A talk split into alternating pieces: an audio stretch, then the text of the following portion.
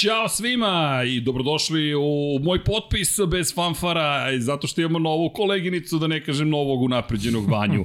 Vanja 9,8.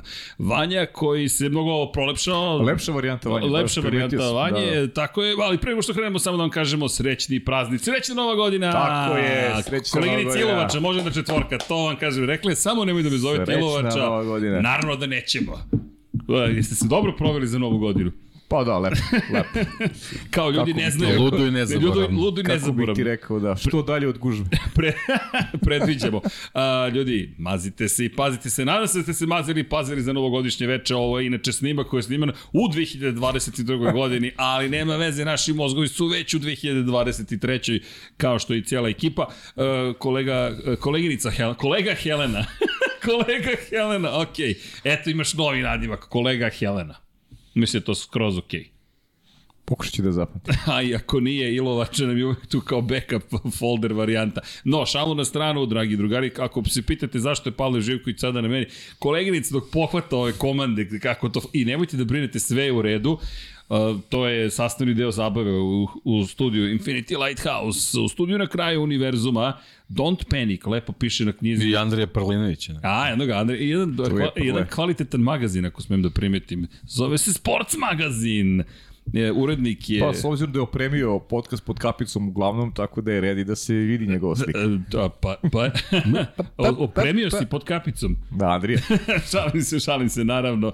To se krije se tamo oko iza Batmana, Viri, otprilike i kaže šta snimate to momci? Snimamo ljudi treći deo nečega što trebalo da ima dva dela, ali kao i uvek u duhu Lab 76, mi smo to malo onako produžili i pretvorili u veću zabavu, u dužu analizu. Inače, mi smo se našli našli ranije da bismo počeli kasnije. Dakle, plan je bio u 16.00. Ja ću samo reći kao i uvek. Ka, kao i uvek, kada smo rekli, aj, možemo u 15, Deki se javlja, možemo u 15.00, inače danas je petak, 30. decembar, i kao super, i sada je tačno, o, 15.48, šokiran sam, ljudi, pokrenuli smo suštinski pre vremena. Wow. I mi smo. Delimo tvoj šok. U kom momentu ste se kladili da nećemo krenuti pre 16? Bolje da ne znaš šta smo se nas dvojice bili sami od... Dobro. Da, da, kako ste... E, i kako Klad, ste... Kladili smo se da nećemo ni krenuti, da. Kako ste zaštitili koleginicu, ne mogu da verujem, kako ona nije učestvovala u tom razgovoru, ali to je sve redu. Naravno, koleginica samo sluša. Nego ljudi, nego ljudi, čekajte, možda je prošla jedna nova godina, ide još jedna, pa ide još jedna, ima ih koliko hoćete, ali Tu su novogodišnje kape, stići će i one druge bez pompomova, ali ekipa se opremila, tu i dukserica, ljudi, stigle su i dukserice, tako da dugo traženi dukserice Lab 76 su tu, Lab 76 uh, kapa, Cosmos 76 kapa takođe, Severski teleskop, ko želi James Webb teleskop na svojoj glavi, može da potraži sve to na shop.infinitylighthouse.com, a imamo i neke zanimljive nove šolje, morali smo ove boje da izaberemo, pa je, ti si dobio tu rezedo zeleno-žutu, mada ide, a ne, deki ciklama, Zašto? Pa nekako imao sam utisak da će ti prijeti ta žuta boja. Da nam ide uz karakter, misliš to, a? Da, pa ne, sad ne znam baš šta to znači. Dekijev je ružičasti karakter. Ciklama, imaš ciklama karakter, da ne kažem cvekla karakter. Ali... Ne, ja sam već over yellow, tako da je dobro malo za kontrast. E da, ti si u brazilskim da. bojama. Kad spomenjamo da. Brazil, samo kratko, nemamo mnogo veze sa futbolom, makar nemam ja, gospoda imaju, ali čisto da spomenemo, danas je utorak, ukoliko ovo gledate premjernom terminu, ukoliko gledate nekada kasnije, par dana pre nego što smo, to je dan pre nego što smo počeli da snimamo, je preminuo jedan od najvećih futbolera u istoriji futbola, Pele, i ne samo što je Brazil nekako tema koju mi volimo, Deki pogotovo, nadimak mu je Žakare Pogua, po jednoj čuvenoj brazilskoj stazi, 82 godine imao jedan lep život, rekao bih, veoma uspešan i čovek koji će zauvek biti zapamćen tako kao jedna nevjerojatna generacija brazilskih futbolera, ako se dobro sećam, to je poslednji tim koji je zapravo odbranio titulu na svetskom prvenstvu osvojen, ako se dobro. Sećam, Pele je bio jedan od tih igrača. Pa Pele je jedini futbaler sa tri titule. Eto, tako da to nisam znao. Pa to jest, da. možda nekada davno, ali svakako velikan, volimo da se prisetimo nekih ljudi nema mnogo veze sa Formulom 1 u kontekstu toga da je to čovjek koji je bukvalno bio... Ima, ima Brazilku, neću sa Formula 1. Da, da. ima... Da, ima je vezu, jer Ima on, sa jer on beše ranije mahao. Ima sa Kimijem, da. Da, jest. ali, ali voleo, voleo da Voleo bude je u padoku. 1, Da, da. Mislim, jest. generalno je bio osoba tako voleo da se pojavljuje i onako uvijek je bio pozitivan i nasmejan i, i generalno eto ta, to neko podemlje, posebno taj Brazil ovaj, iznedrio te neke ozbiljno velike sportiste ovaj, i to je taj neki link između Pela i Sene, ja sam čak i Pela ispomenuo u, u knjizi ovaj, o Seni, tako da eto tu postoje te neke veze, ovaj, ali eto, pamtit ćemo čoveka, naravno, ono, naravno. U, u, trenutku kad je on igrao futbal, niko nije mogao baš da mu se približi po, po ovaj, kvalitetima i veštini, tako da, eto, pioniru nečemu, i, pa da, ispred vremena i nekako, eto, kao što si rekao, jedan od najvećih svih vremena, definitivno. U svakom slučaju pamtimo, tako kažem, velikane neki ljudi koji su obeležili i sport, ne samo Formulu 1, a pamtimo i prethodnu godinu, zato smo se i okupili da pričamo o 2022. sada već govorimo u kontekstu toga da je prošla godina. Dakle, ovo neće biti, nadam se, emitovano pre 2023. Mada, s obzirom da je koleginica Ilovača preuzela kontrolu nad studijom, ko zna, danas sam rekao dok je čuvala studiju, bukvalno, sad upali kanal Infinity Lighthouse i kreni, otela sam u stvari, kako se to zove, takeover, to je Insta takeover, ovo je YouTube takeover, otmete i krenete u akciju. Ali, pošto je pristojno jedno stvorenje, hvala na pomoći, dok nema vanje, i nema koleginici iz prodaje, a nema ni Petra i mi... Da, da, ni Živke. ni Živke. Ni Dom Pablo. Ni Dom niko. Pabla, ni Srkija velikog nema. nema. Sami smo. Sami smo. Igor Toškov. Igor Niko. Toškov, Milica. Nikog nema. Nikog nema. Tišina ali zato. Ćao svima. Ćao, čao. Vesela ne, trojka. Vesela trojka je to. Daj, ajde da se ozbiljimo ajde. i da ovo stane u manje od 3 sata, pošto mora. Pošto Paja ima neke pa, obaveze. Dobro, ali vi ne, ne. morate. Mi ne moramo, ja moram. Deki ja možemo, Deki je oduševljen yes. odnosno. pošto, pošto, Smislit ja nešto, pošto imam četiri, par sati da smislim. Četiri sata trajao drugi deo analize MotoGP-a. Znaš kako smo, koliko smo se udjeli, Deki ovako izlazi oko jedan ujutru, kaže, Srki, 25 minuta je trajalo odjeo. smo mi krenuli, ali nisam samo ja upao u petlju, moram ti reći. I... Jeste vi krenuli ili si ti krenuo?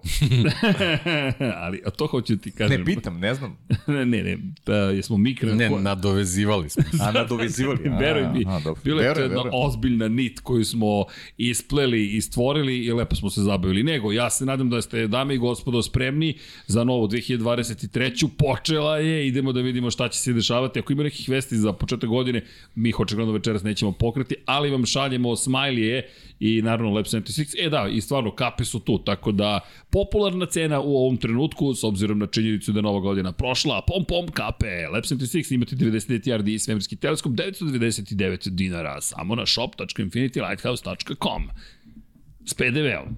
cena u cenu uračunat poreza, ne i dostava.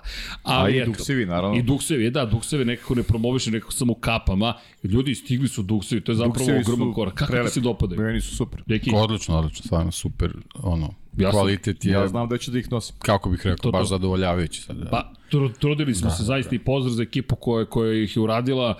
Uh, 80% pamaka, 20% polijestera. Dobro sam, da ide. dolaziš A ne može 100%. U detalje koje ne razumem, ali okay. A ne veze, moram da spomenem, te, to, to su mi rekli. Do, za ove koji znaju. za modnu ekipu. Vanja, ne, Vanju sam pitao, Vanja, okej okay su.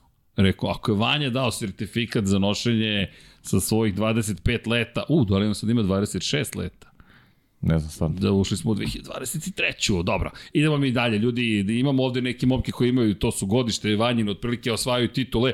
Konkretno, večerašnji deo, treći, triologije od 2022. i Formula 1 je u velikoj meri posvećen dominaciji Max, Max, Maximatora. U, Maximator, maksimalni dominator. Po, realno, to je bila potpuna dominacija i čovek koji je započeo zapravo dominaciju velikom nagradom Mađarske, pričali smo prošlog puta o toj trci, koliko je zapravo bila važna i taj koncept da on na stazi na kojoj se teško pretiče dođe do izražaja i demonstrira da je ovo njegova sezona apsolutno. Mislim da od tog momenta zaista postala njegova sezona u svakom smislu te reči. Do tada smo imali Leclerc, Ferrari, Sainz, hoće, neće, greške, motori stižu, ne stižu, međutim ovo je početak njegove ere, ali, ali, nekako ti dominantni vozači kada se nađu u situaciji da ostvaruju veliki broj pobeda i da nekako očekujemo da će to biti slučaj, kao da izgube malo, do, kao da izgube primat u kontekstu naslova, nekako, pošto se naslovi ponavljaju, pa stalno tražiš nešto novo, ali ono što je meni bilo zanimljivo za ovaj period godine, pošto smo otišli, jel te, na, na, na odmor, Da li se sećate najveće priče tokom letnjeg raspusta, da ga tako nazovemo? Ko je oteo slavu zapravo dvojci ljudi koji se bore za titulu? Fernando Alonso. Sećate kako nam je početkom avgusta bacio granatu u kontekstu vesti koje se se događale. Sebastian Vettel je saopštio da se penzioniše, da napušta Aston Martin i a Fernando Alonso koji saopštava Ćao Alpina, evo mene u britanskoj ekipi u zelenim bojama i počinje potpuni haos. Ko će ići u Alpinu? Da li će zaista Oscar Piastri zameniti Daniela Ricarda ili neće? I počeli smo više se bavimo transferima nego trkanjem. Nećemo to učiniti večeras, ali samo moram da konstatujem Alonso koji u momentu kada deluje da je našao tempo Alpini, našao svoje mesto pod suncem konačno sa Alpinom povlaka, to jest povlaka Renaultom, našao, to svojio obe titule 2005. i 6.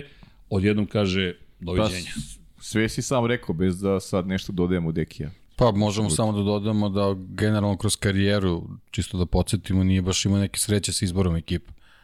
Znanje da. ili sreće, sad već ne znam, tako da to što, što je kao odlučio pređe u Aston Martin, čak ni u ovom trenutku, apsolutno ništa ne znači. Pa naravno ne znači, ali ne Ove... samo to, ovaj. nego ste kaže da je s ne možda ni bavili time ovaj, na taj način da da je interesantnija borba za šampionsku titulu. Tako je. Jer bismo opet više fokusirali, imali smernice na, na ono što se dešava i što će se dešavati a, tokom, a, tokom ovaj, drugog dela sezona.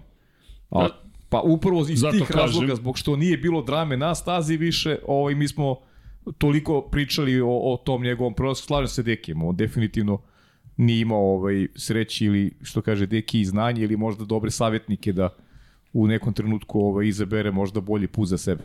Tako je. Da, čovjek koji je pokušao s Ferrarijem da osvoji titulu, nije mu pošlo za rukom, pokušao je s McLarenom, pa da nije mu pošlo za rukom. u svoje vreme. Pa to, on je prešao u Ferrari u trenutku kako se priča, kako se da. priča da ima ponudu od Red Bulla. Izabrao da. Ferrari i To je to. Onda znamo kako je tekla karijera, tako da... Ovaj... Što Sebastiana Vettel, kog je sada nasledio Aston Martin, da. što Fernando Alonso. Alonso više nije osvojio ni jednu titulu. Da. U McLaren je otišao kada je McLaren bio moćan, otišao je u Ferrari kada je Ferrari pokušavao da ostane relevantan i dalje nekako moćan, a potom pa je... Pa da, McLaren je bio moćan, ali ima neke druge prioritete, tako da hmm. opet je njegov izbor bio. Jeste. Dobro, svakako. I njegova borba, da. I u malo nije osvojio titulu na poslednjoj trci sezone. 2007. A koliko puta je to bilo 2010. malo? 2010. Da. 2012. 10. i 12. u bojama Ferrarija, 2007. u bojama McLarena.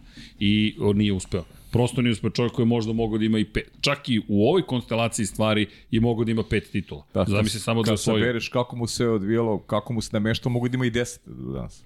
Pa da, još ta priča sa Red Bullom zaista je mogo da ode daleko. Da Što me negde vraća na priču koju si ti rekao 2012. kada je Hamilton potpisivao za Mercedes, ko zna šta će to doneti. da. Ali, samo sam hteo da kažem da je kada je era dominacije u pitanju nečije, obično neki drugi naslov kada se pojavi svi, skočimo na taj naslov i kažemo wow, ovoga puta to je bio Fernando Alonso. Pa ne hvatamo se za nešto što, što nam je najinteresantnije, pa da. to je logično. Donosi ozbiljnu zabavu, ali sreća. Ali pre nego što krenemo na trke. Da. Čisto vezano uz uvod, ovaj, malo zbog ovog preskakanja vremena smo mm. možda to ovaj, zaboravili. Zaboravili, zašto bi trebali da, da spomenemo. Danas je 30. decembara, u stvari je 3. januar, 3. januar rođendan Mihajla Šumahera. Pa eto, da. čisto da, da, ne zaboravimo tu da, da ovaj, da, onako, stvarno bitan datum ja bi za istorijat Formule 1. Pa, ako mogu da dodam na, na sve to, 29. decembar, 3. januar. Tako je. Nažalost, 29. decembra se desila nesreća usled koje je ostao u teškom stanju pre 9 godine i evo nekoliko dana. Za javnost nepoznatom stanju. Da. Tako je. Da nije bilo... Uvijek je bilo od, od početka da. u nepoznatom stanju. Da nije bilo komentara Mika Šumahira na nivou da ne može da mu je žao što ne može da razgovara sa ocem mi ne bismo znali ništa, ništa približnije onome što se zapravo i dogodilo te pre tih 9 godina, ali baš velika tragedija i keep fighting Michael i hvala da Tako je. To ne smemo zaista da zaboravimo. Čak, čak nije ni šala, nego jednostavno govorimo o, o čoveku koji je osvojio 7 titula, 91 pobedu ostvario i da pitamo koleginicu, ali vi pamtite eru Mihaela Šumahira? E, I čak i kao devojčica Dakle, to, to su stvari koje se pamte. I čovek koji je obeležio celu eru, deceniju svakako, Ferrari pretvorio u najpoželjniji tim na planeti Zemlja, ako već nije bio najpoželjniji, i negde prevario, uslovno rečeno, to, to ja volim da istaknem, sve tifoze stvorio nešto što je teško replicirati i zaista veliko. Dve titule sa Benettonom, pet titula uzastopnih sa Ferrarijem, neverovatan. Jednostavno čovek i 3. januar, pa eto, srećen rođendan Keep Fighting iz perspektive tog emitovanja ovog podcasta. Hvala da ekip. A baš zanimljivo, idemo sada na trku koja je u velikoj meri, to je stazu i obeležila karijeru Mihaela Šumahira. Pa, tamo je sve počelo, da. Tako je. I nekako paralele su se i povukle ove godine. Tamo je počela karijera u Jordanu, ali jedna od njegovih najboljih trka 1995. godine, gde smo pričali o paralelama pred veliku nagradu Belgije 2022. u kontekstu toga šta može Max Verstappen da uradi kao neko ko će opet startovati sa niske pozicije, kao neko ko ima priliku eto, da se pojavi, iako je još daleko po rezultatima, ne, rekao bih i po dominaciji ili formi odnosno na Mihaela Šumahira, konačno jedan rekord Mihaela Šumahira na kraju ove godine i oborio. To je 14 pobjeda po sezoni, 15 ih je stvario Max Verstappen. Konkretno šta je to, šta je to bilo u, u Belgiji na legendarnoj Spa Frankošam, pa imali smo kvalifikacije zapravo u kojima je Max Verstappen došao u situaciju da zapravo kada pogledaš odakle će krenuti, morao je da startuje sa začelja, s obzirom na činjenicu da je menjao jednostavno imao je pet pozicija kazni za novu menjač, morao je takođe da ima i kaznu za promene elemenata pogonske jedinice i došli smo do toga da je zapravo ovo bio test još jedan, da li neko može da mu se uopšte nametne ili će samo završiti posao na jedan, pa rekao bih, taj šumahirovski način i desilo se upravo da je izdominirao. Na kraju 17 sekundi bio ispred klubskog kolege, na kraju trke drugoplasiranog Serhija Perez. Ljudi, on je krenuo sa začelja. On je krenuo iz Francuske. Bukvalno, dakle, mi pričamo o čoveku koji je bio 14. Da. Bilo je mnogo kazni tokom te trke i pa, to je dobro, ono paradoksa. Okay, ali, ali ništa to ne umanjuje ono što je uradio i Ljudi, brzina kojom je on došao do, do vojstva je fa, frapantna bila čak i za nekoga koji je dominantan i pa kada ne znam da pogledaš... u 20. krugu, a? 12. krug. 12. krugu, eto. Ljudi, 12. krug. On je vodio u 12. Sa 14. Krugu. Mislim da je to bio početak apsolutno svakog kraja. Ma dobro, to je još, još jedan pokazatelj, ti si spomenju i u prošlim podcastima, ovaj, uh, tu neku njegovu mogućnost da, da, da, da sa različitih startnih pozicija ovaj, da. praktično da. ovaj, ostvari planove svoje i svoje ekipe i ovo je samo eto, još jedan pokazatelj, pokazatelj tih nekih njegovih kvaliteta bez obzira koliko taj uh, Boldit bio dobro pripremljen i, i moćan i konkurentan, a videli smo da ove godine nije to baš na, na određenim stazama bilo baš tako lako uočljivo da, da, da ima, ima toliku prednost, ali generalno kad kad, ovaj, kad se Red Bull dobro pripremi, Max Verstappen je pokazao da je uvek maksimalno motivisan ovaj, i ovo je bilo samo još jedna trka gde, gde je pokazao da stvarno može da bude ovaj, super dominantan ovaj, kad, kad pre svega on to želi, a pokazao ove godine da je bukvalno na, na svakoj trci bio spreman da ide na pobedu bez obzira na kojoj se poziciji da. nalazi. Pa kao meni, meni je izgledalo kao da ga poslovno motivišu upravo u ovakve situacije. Da. Znaš, to je nešto što je negde, negde postalo njegovo, njegovo ogledalo, da što je teže, on ovaj sebi tu pronađe neki motiv više da, da pokaže svima da, da, je, da je trenutno najbolji. I jeste trenutno najbolji, to, to nema dileme, zajedno sa, sa svojim timom koji mu, koji mu svesretno pomože da, da imaju ovaj, zajedno da uživaju toj slavi trenutno. Tako da, da, ono što je izvini zanimljivo, sa pet različitih startnih pozicija je zabeležio pet pobjeda i to je rekord u jednoj sezoni. Obično yes. negde sa start krećeš sa, sa, sa vodeće pozicije, njemu su se tako potrefili kockice, a i ne samo to, Red Bull je tako pristupio na osnovu svega što smo čuli tokom godine, dizajnu bolida da ne bude brzo samo u kvalifikacijama, to je da bude dovoljno brzo u kvalifikacijama da mu ostavi šansu u trci, a u trci da bude zapravo bolji od konkurencije i po pitanju čuvanja guma da, i maksimalno. Da, to su neki novi i drugačiji pristupi. Da. Ili, ili mi možda ranije nismo toliko obraćali pažnju pa, na, na njihov pristup trkačkom vikendu. Ali ne samo to, nego, nego razlika, ja, ja volim da poredim ovu dominaciju Mercedesa sa ovim što se sad dešava na nivou, na nivou Red Bulla. Da Lewis Hamilton i nije dolazi u slične situacije, ali realno Mercedes nije, nije imao ni konkurenciju u toj eri dominacije imali su Ferrari u ta, ta dva navrata. U ostalim sezonama šampionskim Luisa Hamiltona Mercedes je bukvalno je bio sam protiv, protiv svih. Bukvalno nisu imali nikoga da im priđe u tim. A ovo je malo drugačije u smislu da, da Max pomera malo granice sa tim, znaš, ti sa 14. pozicije povediš tako dominantno, mislim, baš je, ja iskreno kažem, nije dobro za sport. Nije dobro za sport. Takve trke nisu dobre za sport.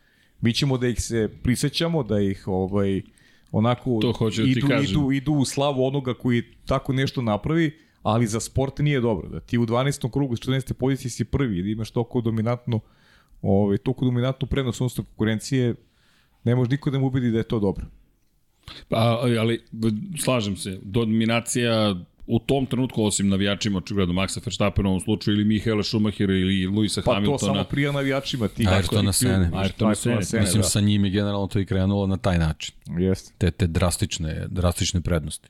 Pa da, zapravo da upravo si on, pre, on je pre uvod. toga se nismo susretali sa, sad, bilo je s vremena na vreme neki onako ovaj, master klas što se tiče trka određenih vozača koji su obeležili istoriju, ali te, te dominacije da, nisu Ayrtona Sene nije Desi se jedna bilo. trka takva, ali se da. ne ponavlja.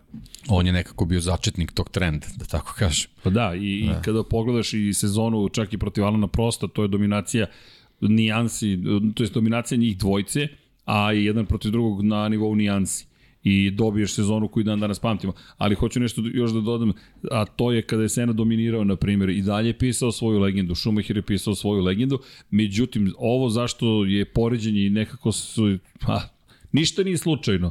Pa stvari se poklope lepo, priča o Schumacheru počela jeste u velik, na velikoj nagradi Belgije 1991. Ali četiri godine kasnije on startuje sa 16. pozicije i pobeđuje to su kvalifikacije bile vožene po kiši, nije usled kazni bio pomereno nazad, ali sa 16. startnog mesta pred 100.000 ljudi, sećam se te trke ko juče bukvalno, dva Ferrarija na vodećim pozicijama i kreću David Coulthard koji je relativno brzo poveo u to vreme u Williams Renault, međutim Schumacher koji znaš, gledaš ga tamo na, na, u sedmom, u osmom startnom redu i kažeš ovaj čovjek će da pobedi. Da, pri tom taj bolid isto nije bio super dominantan. Ne, nije. Bio je dobar, kvalitetan, ali nije bio super dominantan. Ne, to su možda njegove najzahtevnije titule zapravo, jer tu ne pričamo o istorijskom timu koji samo treba da sklopi kockice. Ne, to je proizvođač. Da, eto ga na stolu, to je jedan. Da, evo ga, evo ga, to je prethodnik iz 94. Da. ali to je ta priča koja se stvara i zašto, na primjer, ja mislim da ću zapamtiti o... Znaš kad dobiješ ono uspomenu u ko, za koju znaš da ćeš je se prisetiti lako, e to su mi trke u Belgiji i trke u Mađarskoj, posle toga manji Zandvort ima zabavna je bila trka, ali taj moment da kažeš sećam se te trke jer je startovo sa začeljem da. i nekako ostao u glavi. Pa, pa da, to je, iz prošle godine. ali to je i publici Brazil, zanimljivo. Tako je. To, je, to su te priče, priče ono sa Brazil. tim, sa tim ovaj, hat-trickovima ili Grand Slamovima, kako da, god ih zvali. Grand Slamovima. Kako god ih zvali, ovaj, to se Grand ipak manje, manje, manje se pamti, zato što tu nemaš neke detalje tokom trke za koje kažeš da, da su nešto bili upečatljivi, jednostavno taj vozač nestane ovaj, iz kadra i vidiš ga samo... Ali karakteristično? Karakteristično je da tako nešto mogu i da urade samo veliki šampion. Pa naravno, to, je, to, je to, to se podrazumeva. Ali bukvalno to, mada ponekad možda treba napomenuti, pošto često zna da se, spo, da se podceni to što su postigli, a znate šta ste mi sad dali kao ideju? Zapravo koliko treba da pohvalimo Njuja još više i Red Bull Racing. Zašto? Zato što, to smo pričali tokom sezone, ali mislim da zavređuju dublju analizu u nekoj drugoj situaciji, ne sada. Dakle, šta je Red Bull zapravo učinio ove godine? Kada pogledaš Red Bull i tokom svih prethodnih godina, uvek teži o tome da zapravo ima bolid koji je dovoljno brz u kvalifikacijama, da bi ti, to je, to je bila era Sebastina Fetela. Fetel, to je ona čuvena priča, sa niže od treće pozicije nikad nije pobedio. Da. Znaš, to je fascinantno, mi govorimo o četvorostrukom svetskom šampionu, nikad nije bio niže rangiran od trećeg mesta. Veliki deo odgovora leži upravo u tome što je Red Bull bio sporiji u trkama, pogotovo po pitanju maksimalne brzine, Renault nikad nije bio toliko potentan motor. Dakle, taj V8 nije davao te mogućnosti koje su imali Mercedes, koje su imali Ferrari i tako dalje. I ti onda dizajniraš šta radi Adrian Newey. Aha, ovo su okviri u kojima ja moram da funkcionišem. Kako ja da pobedim konkurente? Nije kukanje na nivou, ja pa naš motor je slab, nego, aha, slabiji motor. Raspolažem sa tim i tim. Tako je. Kako će se pripremiti? I to je možda, to je možda i, i recept koji bi Ferrari trebao da primeni. Znači, mm. nemoj, nemoj po svaku silu, po svaku cenu da, da juriš snagu svog, svog, svog agregata, već možda pokušaj da s tim što imaš, koje možda na 90-95% nivoa nekih drugih, probaj da to primeniš, da, da, da to spakuješ u trkački tako vikend, je. tako da, ovaj, da možeš to da, da, da plasiraš kako treba. E sad, tu je sad taj još jedan bitan detalj, možda da imaš vozača koji to mogu da sprovedu. I tim koji stoji iza njih. Da ne pričamo ponovo isto. Da, ne pričamo, da, da, ne, ne, ne pričamo, se vraćamo u to. Jel, jel, samo upadamo polako u tu Tako je, jer, jer su i Mercedes, nećemo, nećemo. Mercedes i Red Bull su u svojim merama pokazali da, da svaki šraf je funkcionisao u toj strategiji. I ono što se meni dopada u ovoj priči jeste da je Njui rekao, aha, sada imamo Hondu i s Hondom je napravio, to jest napravili su moćan motor, imamo moćan motor, ajmo mi da napravimo bolid koji je aerodinamički veoma efikasan kada je reč o, o trkanju pogotovo. Ne mora da bude najbrži. I onda Andrian kaže hold my beer. Hold my beer. sve, sve kontra u odnosu na Fettelu eru. Danas. Bukvalno kontra. Bull, da. E to je fascinantno, to nije isti Red Bull. Ne možemo da poredimo te dve ere, a Max Verstappen... A isti opet, su ljudi. A isti su ljudi. ljudi, pa da. Samo je vozač. Vozač ali vozač je krojen po tom principu, jer Jeste. ti kada pogledaš, Crash, Crash Net je izbacio juče tekst, ko, juče, to, da, juče je samo što sada, pošto gledate u četvrtak prošle nedelje, može tako. Dakle, prethodnog četvrtka, to je najpreciznije, je izbacio tekst u kojem je rekao da je Mihael Schumacher, neki ne zna da će se složiti, pa i te tvoje mišljenje mi baš zanima, okončao eru žurki u Formuli 1 i da je njegovim dolaskom to otišlo na još više nivo profesionalizma, ja bih tragove toga našao i kod Sene, pa i kod prosta Sena koji se tekako fizički pripremao za, za, za, za trke. Jeste, ali je bio u, u ogromnoj manjini. Sad ipak mm. imaš, imaš grupe vozača koji, koji yes. posvećuju pažnju tome, i, a i, i ovaj, u eri Schumachera su neki shvatili da treba i tako da rade, samo nisu imali potencijala da, da mogu to Jasne. da, pa, da, dobro, da izdrže ljudi, na tom nivou. Ljudi generalno sport je bio to vreme. Ali, je, ali yes. njegovim, njegovim dolaskom u Ferrari svi su shvatili da nema više šale, da ako žele da mu pariraju moraju da budu no. na njegovom nivou. Nijedan, Psihičkom, fizičkom, ni jedan sport danas ne može da Absolut. da bude žurka pre fizičke spreme. Ako nisi fizički spreman, džaba ti talent, nema, nema, pro, nema prođe. I onda Nikola Jokić kaže, hold my beer. Bukvalno. Šalim se, ne, uvijek ima izuzetaka, pa, naravno, ali, ali tehnički sport danas zahteva pa apsolutno, nema. apsolutno spremno. Svaki, svaki sport danas fizikalije, fizikalije, pa onda, onda ide ostalo. I lepo kad ti vidiš talent, taj ta, talent može se ugasi ukoliko, ukoliko ne, da. radi, ne radi na sebi. E to mislim da Verstappen ima, on deluje kao da s lakoćem sve to obavlja. Mi nigde ne vidimo njegove treninge, pripreme, nema Instagrama, on nije uopšte neko ko teži tome da se o njemu zna previše. apsolutno Tako je, to. makar po onome što sam ja pa, vidio. Ne znam pa da dobro, se, ali i to je, to je objašnjenje te neke crte gde on nije, nije sad možda popularan niko koliko bi trebao, zato što on pre svega ne zainteresovan za to. On ima svoj cilj teži ka njemu i samo ga to zanima. Da. I on ko je rekao... To je veliki plus za njega, naravno. Pa da, i ko je rekao, ja kad bude došlo vreme, odoh u penziju. Tako je. On ima I mislim da će zaista tako i biti. Ja sam siguran. Ja on kad odluči, mislim, mislim da neće postojati neka, nešto da se desi da on promeni svoju odluku. Jednostavno tako izgleda zaista. Pa i ove trke. Ja, ver, ja verujem da će okolnosti ipak da budu te koje će da Pa ga, dobro, da, ali, ali naš, u trenutku kad on odluči, da. to će Slažem biti to. Da, da, da. da. Ali, Ako mu se budu poklopile kockice ovaj, da možda ostane upisano istoriju kao najveći sa brojkama, verujem da će, to će sigurno, da svoju karijeru da, da, da. da produži. U odnosu ono što po, danas po ovoj sezoni da. se i vidi. Ali, ali neće biti siguran sam Sebastian Vettel, Fernando Alonso sigurno.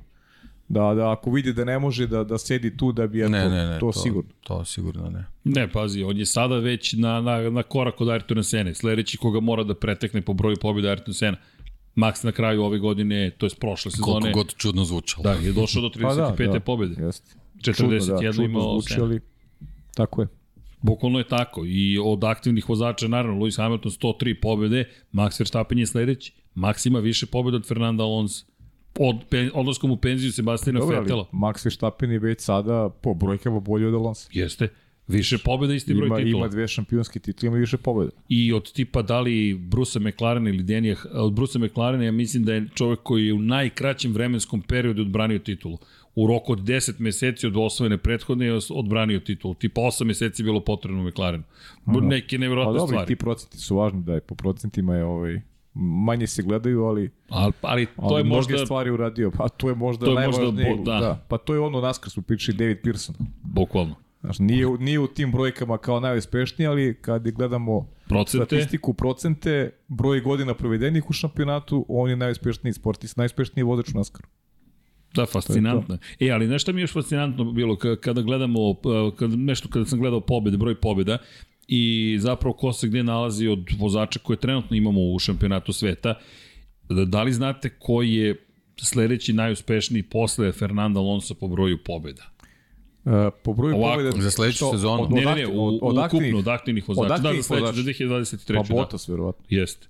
Valtteri ima 10 da, da. pobjeda. Da, nema ko da. Znaš, nije, a baš sam razmišljao, čekaj, kao... Pa ne, ostali su tu nešto na po jednoj. Pa da, pa da, svi imaju... Svi Ima Gasly je tu. Ima ovi koji nemaju. Ili ovi koji... Ricardo ima, ima 8, Dobro, ali Ricardo nije tu. Nije tu Ricardo. Leclerc znači, ima 5. Leclerc. Leclerc, Leclerc sam zaboravio. ne, ja nisam, da. ali... ali Leclerc, Sainz. Ja nisam, ali nema, nema, nema da, toliko. Da, da, I, da, ali, nema, uh, da. Uh, ajde, izvinite sad što malo dezavoišem, ali znate ko je iza Leclerca po broju pobjeda? Iza Leclerca po broju da. pobjeda?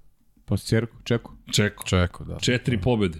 Ja, ja u šoku. I znaš, Čeko nekako, pa kao usput je pobedio, usput je pobedio. Ljudi, Čeko ima samo jednu pobedu manje od Leklera. Ne, sada te brojke nisu, ni, nisu teške, malo razmislite, zato što, da, znaš, nisu, nisu. Podlaze polako ovi šampioni. Ne, ne, ovo je sad znaš, već je... u, u tim nekim prazno. najboljim godinama za neku novu generaciju, to je sasvim pristojan broj, broj pobjeda. A šta ti govori sve ovo što si rekao? Da. Šta mi govori? Ko, ko, Max Verstappen Max ima pa, to, ne to, put ispred sebe, nego to to je to. Sve je otvoreno. Autoput, autoput ispred njega. Ali bukvalno je autoput. Kada su u pitanju izbori, kvalitet koji on ima, znači, on je, on je taj koji će, oko koji ga će se priča vrteti. On sad samo treba da ima dobri izbore. U slučaju da sa Red Bullom krene nešto loše. Ono što pričali prošli put. Kako će sada sve izgledati posle smrti vlasnika, da li će ići u pravcu kome je Red Bull išao ranije, ukoliko se to ne dogodi, Max je taj koji će možda dobiti ulogu Luisa Hamiltona da treba da izabere za svoju budućnost nešto što će mu omogućiti da nastavi taj kontinuitet. E, tu je onda taj neko menadžment, ekipa koja oko pa njega. Pa da, za početak je, ajde sada ne ulazimo u sledeću sezonu, pošto pričamo ja o 22. Da, ali, ali mislim da je, da je važno pre svega u kom trenutku je Red Bull startovao sa pripremom za 23. Da, to ne tu, znamo tu će već biti, ovaj, da. već sledeće sezone može da, da se vidi da li, da, li, da, li, to, to, da li postoji neki ovaj problem, pošto su imali problem sa, sa prekoračenjem i tako dalje i tako dalje. Ovaj, dobro, smrt Matešića je došla već pri kraju da, sezone, da, da. ali jako bitno samo u kojoj fazi su krenuli sa pripremom za sledeću godinu. To ne znam. Koliko ih je, da li ih je omelo, da, da li su imali neke planove ovaj, da, da to ranije urade recimo 22. ali zbog nekih drugih ovaj, Okolnosti. Okolnosti to možda nisu, to, to ćemo videti vrlo brzo. Pa dobri, kazna s kojom se suočavaju, da, da, da, da, da, to, ali, ali to ćemo to ćemo tek doći do ćemo tako o tome, je, da. Je. Ali, e, izvini, šta bih par stvari bih samo, samo, samo iskoristio. Ovo je sve uvod zapravo u početak te dominacije, nego nekako samo se slaže kao priča, ti kada pogledaš, pa možda i ne iznenađuje toliko dominacija. Ricardo koji ima 8 pobjeda je u nekonkurentnom bolidu ili ne mogu da funkcionišu oni. Taj bolid svakako nije pobednički bolid. Bottas je otišao u Alfa Romeo. Da, znam ali, ali i Ricardo je došao sad da bude neki neki test, vozač, test vozač Maxu Verstappen. Pa bukvalno. On... Čovek koji ima u toj konkurenciji koji je to treći, drugi, u stvari drugi po broju pobeda. Da, On je drugi po broju pobeda. Hamilton, Verstappen, iza Bottas, Bottas, iza Bottas, iza Bottas, iza drugi, Bottas, tako ajde, drugi, ne, upravo si drugi. drugi po broju pobeda od vozača koji nisu bili šampioni. Da, i Alonso samo da ne zaboravim. Njega smo iskako pa da, skučili, ali, ali suštinski to... Evo, to. rekao sam od vozača koji nisu šampioni, on je, je drugi po broju pobeda. Tako je. A došao je kao drugi po broju pobeda, bude test vozač Max Verstappen. To su njegovi izbori u karijeri. Ma da. I Red Bull Showrun vozač, da ne zaboravimo. Da Red Bull, Red Bull Showrun vozač. Koliko god sam odušen što smo imali Red Bull Showrun prošle godine u Beogradu, kao neko ko treba se bori za titulu, to je poslednja stanica na kojoj ti želiš da budeš. Ja bih volao nama da je, nama je, nama je čast u Beogradu činio 50-godišnji David Coulthard. Tako je. Jeste. Fascinantan. Yes. Legendarni vozač je stojao, čovjek ima 50 godina. Tako je to je, to je ovaj neka prilika za njih, a ne za, za Daniela Ricarda. Yes. Ali Njegovi, Ali, okay, njegovi izbori. Njegovi izbori. Ali, šta hoću da kažem, i ovo je sad početak Hamilton koji se muči u Mercedesu u ovom trenutku, Alonso koji ne može da nađe pobednički bolid, Max Verstappen, kao što si rekao, autoput, bukvalno da. autoput. I ukoliko Mercedes ne sredi stvari... Oko svega, kažem ti, ono što je najvažnije što on ima izbor. Kao Kemel Pravac. Da, Kao Kemel Pravac, uhvatio i DRS zonu. Ima izbor i ono što ja volim često naglašam koliko je prednost u odnosu na, na, na svoje te neke vršnjake, Man. momke sa kojima je vozio kako ima. Posle ove to više nije sporno uopšte. Ne, ovo je sad neuporedivo. Znaš, on se još borio sa pa Hamiltonom. Pa i prethodno, pa to i prethodna sezona, to, to je 21. On se borio sa legendarnim vozačem Bukvalno. za titulu. Bukvalno, on je čovjek koji je skinuo legendu sa vrha. Sprečio je da postane osmostruki šampion sveta. U koliko, 20 i koliko, jednom vikendu. Strašno. Nemoguće gotovo misije kad pogledaš. Zaista fascinantno je šta je postigao.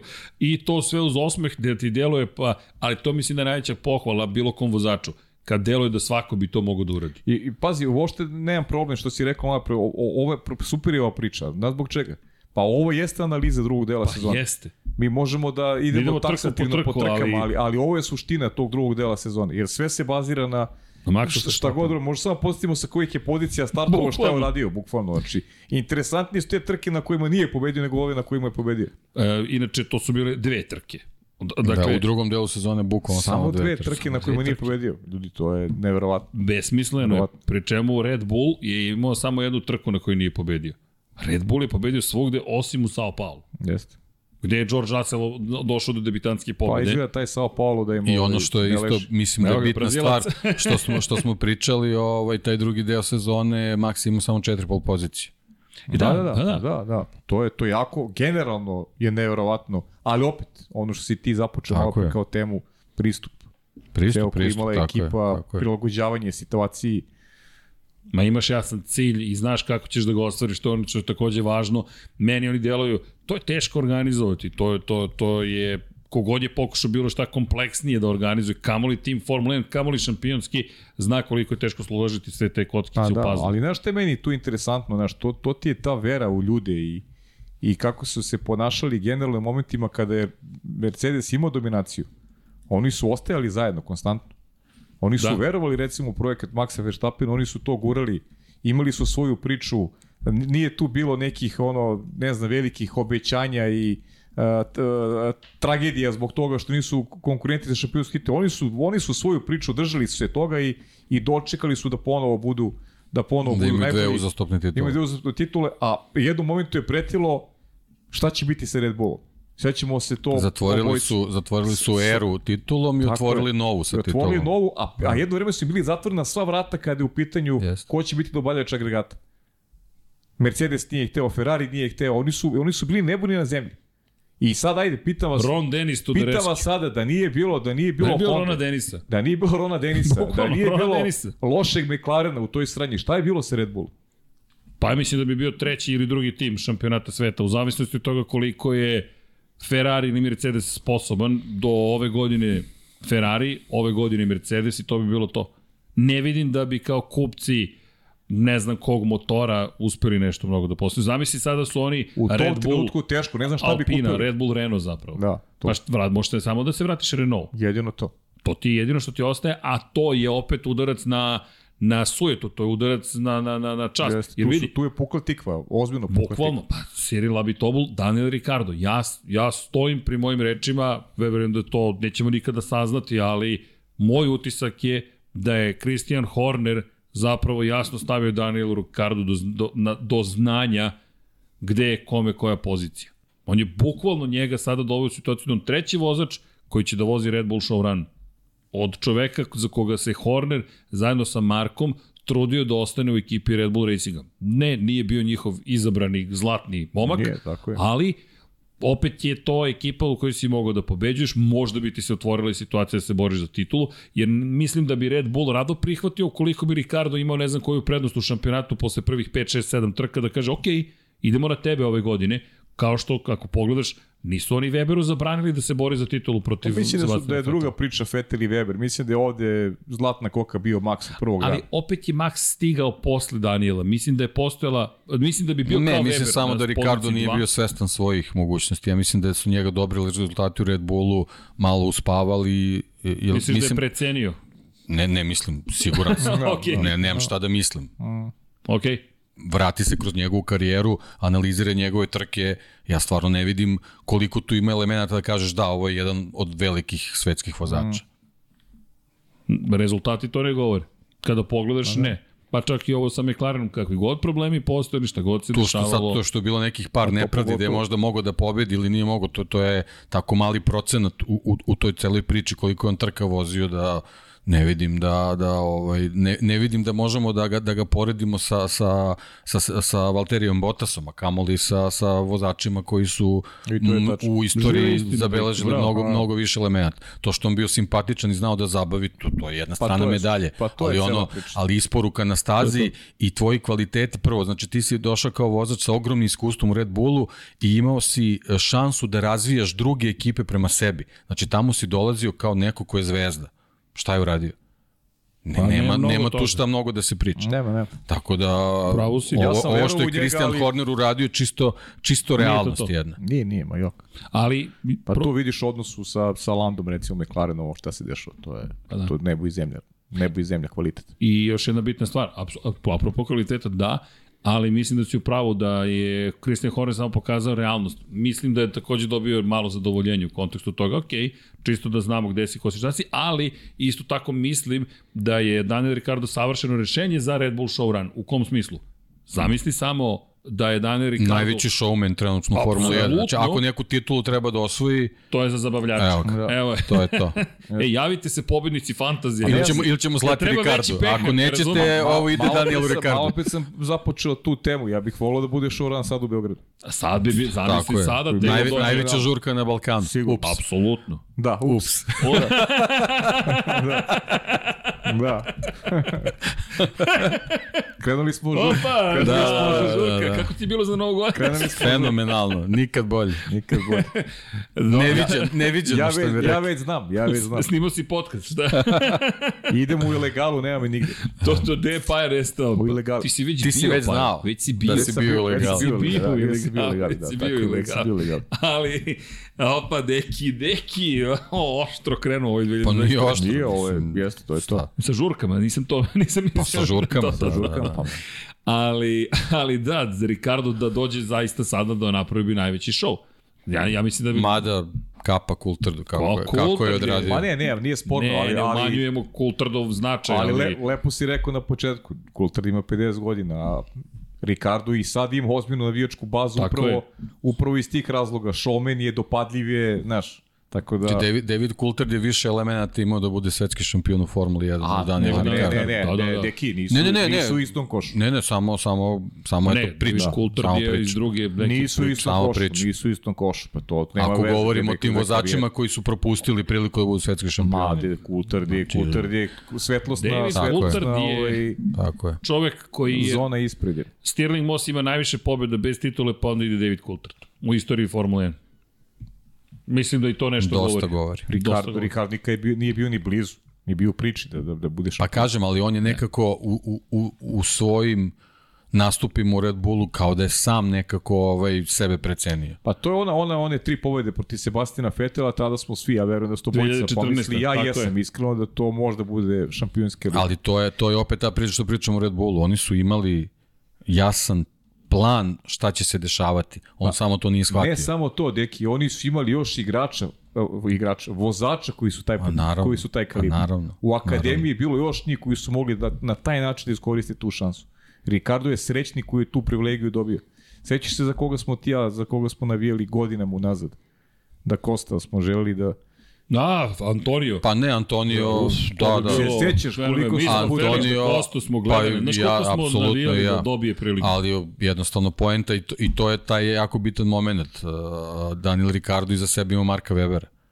Da. On mu je bio mentor u, u, u nižim kategorijama, pritom to je bio link sa Red Bullom. Antonio Felix da Costa je Portugalac koji je bio ovaj, u, u akademiji, o, naravno vozač. ozbiljan vozač, ali jednostavno zbog, zbog tog nekog svog backgrounda uh, o zemlji odakle dolazi jednostavno nije nije nije mogao da da da da bude ovaj u nekom nekoj krupnijoj priči tako da šteta ali jednostavno i to je tako to je Formula 1 to je zato zato vozači koji dobiju tu šansu moraju realno da je sagledaju. I onda onda sve bude ok onda stvarno možeš da da izneseš svoju karijeru kako misliš naravno ti veliki koraci kao što su šampionske titule to to je sad posebno u današnje vreme jednostavno moraš da budeš projekat da bi da bi to moglo da bude ovaj da, da, da bi moglo da bude moguće. Znači jedini koji je poremetio sve to je Niko Rosberg. I samo će sa godinama njegova titula da dobije na značaju. Jeste, jeste. Teško će se ponoviti Rosberg. Pa da, ali to mi je možda najveća sramota, stid u karijeri.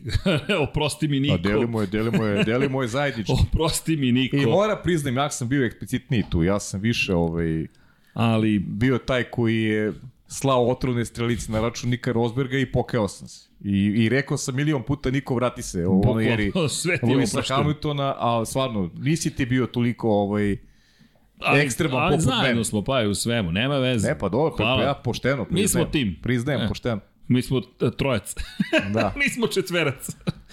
Ali, a da, Ilovača, ne znate referenci. To, koleginice, pog, Osta Dilovač. pogled, ne, ne, ne, ne, ne. Helena, Helena, šalim se, ali pogledajte Bal na vodi. Dobar film. Neka, d, neka šesta priča. Ali... Ali, se setio bal na vodi, ali... pa četverac, Četverac. Glene, mi smo četverac. Meni makar smešno. Jedini se smijem u studiju. Ok, ovo je neprijatno sada. Pogledajte svakako, ali nema veze. ne morate se smijete, ali, ali nema veze. Zna da bude i tužno tu, ovaj, ima, ima sekvencije tužnih. ali Ima, nema pa zapravo je životan film. Ajde, Da. tu, tužan srećan. Ne nalazimo u detalje. Nema kvariš koleginici. Ne nalazimo u detalje, ajde. Pantare. Da. Idemo dalje. Elem, dakle... Gde smo stigli do 19. trke? tek smo prvo obradili šta ti je. Imamo taj običaj, ali nije, krenuli smo, ovo jeste, Pa ne, rekao smo neki ja stvarno, prekriče stvarno nema, pričali. nema potrebe. Nema Treba- potrebe ići trku po trku Ne na treba, taj način. možda se posetimo čisto eto, odak, odakle je krenuo Max, da možda kažemo, ne znam, da li ima neko pet iznenađenje. pobjeda ali... za redom i ono stvari. Pa da, Ovo je bila da druga.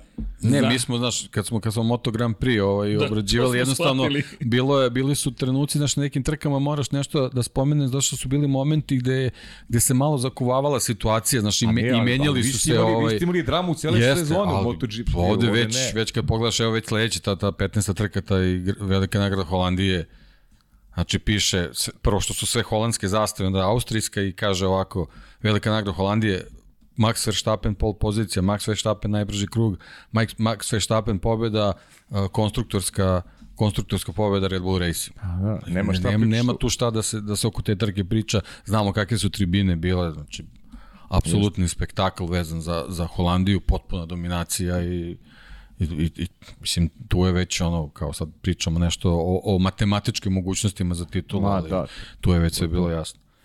Pa da, mi zapravo smo imali potpuni preokret u, u, u ne preokret poput ovog u Formuli 1 koji suštinski nije ni preokret. Ogromna prednost Charles Leclerc je nestala toliko pa ne, brzinom o- da nema preokret. Da, ono što smo rekli tokom prošlog podcasta, dakle, drugi deo sezone dominacije Red Bulla i taj uzet Mercedesa, da je Mercedes koji je iz trke u trke pretio da, da dođe konačno Da, to ne, ne do predavanje Mercedes i ta borba je. njihova, da, da. I Ferrari koji je onako Da. počeo posustaje, negde prepostavljamo se idejom da da se da počnu već pripreme za narednu godinu, da je to bio neki Ne, ali plan. sa, ajde, sa da Ferrarijem da je stvarno plan neki. ogroman pritisak javnosti bio zaista. Da, ovaj, jako je bilo teško da Ferrarija, se da. nosi da, da, da s tim, tako da to je već, kad, kad se toliko trka naređa tokom sezone, to je stvarno jako teško ispratiti, posebno kad se izađe van Evrope, to je onako stvarno, stvarno nezgodno.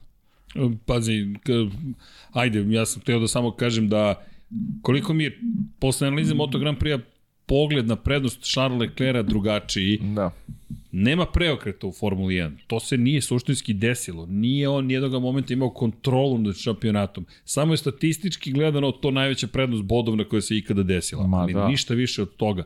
Da li je iko imao osjećaj u ovoj potpuno dominaciji? Ja sam se preverio pomislio u Ferrari još će i da osvoji titulu. Pa- Ti si me vratio u, u Pa stvarnost. Srki, to je tamo 50. godine kada je bilo 6-7 trka u sezoni, pa... Pa i ne, Znaš, i, i ti bi završio posao tada. Kad imaš uzorak od 22 trke u posle treće 40, ne znači ništa 40 pojena posle tri trke. Pa pazi, ništa. čak i kad je Alonso imao 42 na polovini E, sezone... to je, bilo, to je zato bila ozbiljnija priča. E, Alonso je ozbiljnija A to, priča. to hoću ovo da ne, kažem, ovo je ne. početak sezoni kao da se nije nikada desilo. A ovde gledamo Fabio Quartarara koji ima potpuno dominaciju. Nema, ne, vi ste imali ludilo. Da. Ludilo. Vama je ludilo vam bilo MotoGP, stvarno. I- i potpuno- Nezamislivo nešto, da možda izgubiš tako. Pa trku. ne, znaš, na, na, kako je bilo, devet trka pre kraja, ti malte ne imaš četiri pobede prednosti. Da, ono, nevjerovatno. To je, Nevjerovatno. znači, praktično 50% nastavka šampionata ti već imaš fore ovaj, da, da, da to završiš i onda se desi nešto što Ne, ja, ne, ja ne znam da, da li da i u Ducatiju iko mogu da pomisli da se desi. Ja ne znam Ali- da li to kaže matematika, recimo ne znam, da li bi sa devet, recimo šestih mesta do kraja bio šampion, recimo, ne znam, sad karikiram, Da, da, devet da, petih da, mesta, da, da, li bi da, bio teoretski šampion. Sa devet petih mesta, Recimo, eto, koliko je to poena, da li bi blizu mo- si toga da budeš šampion.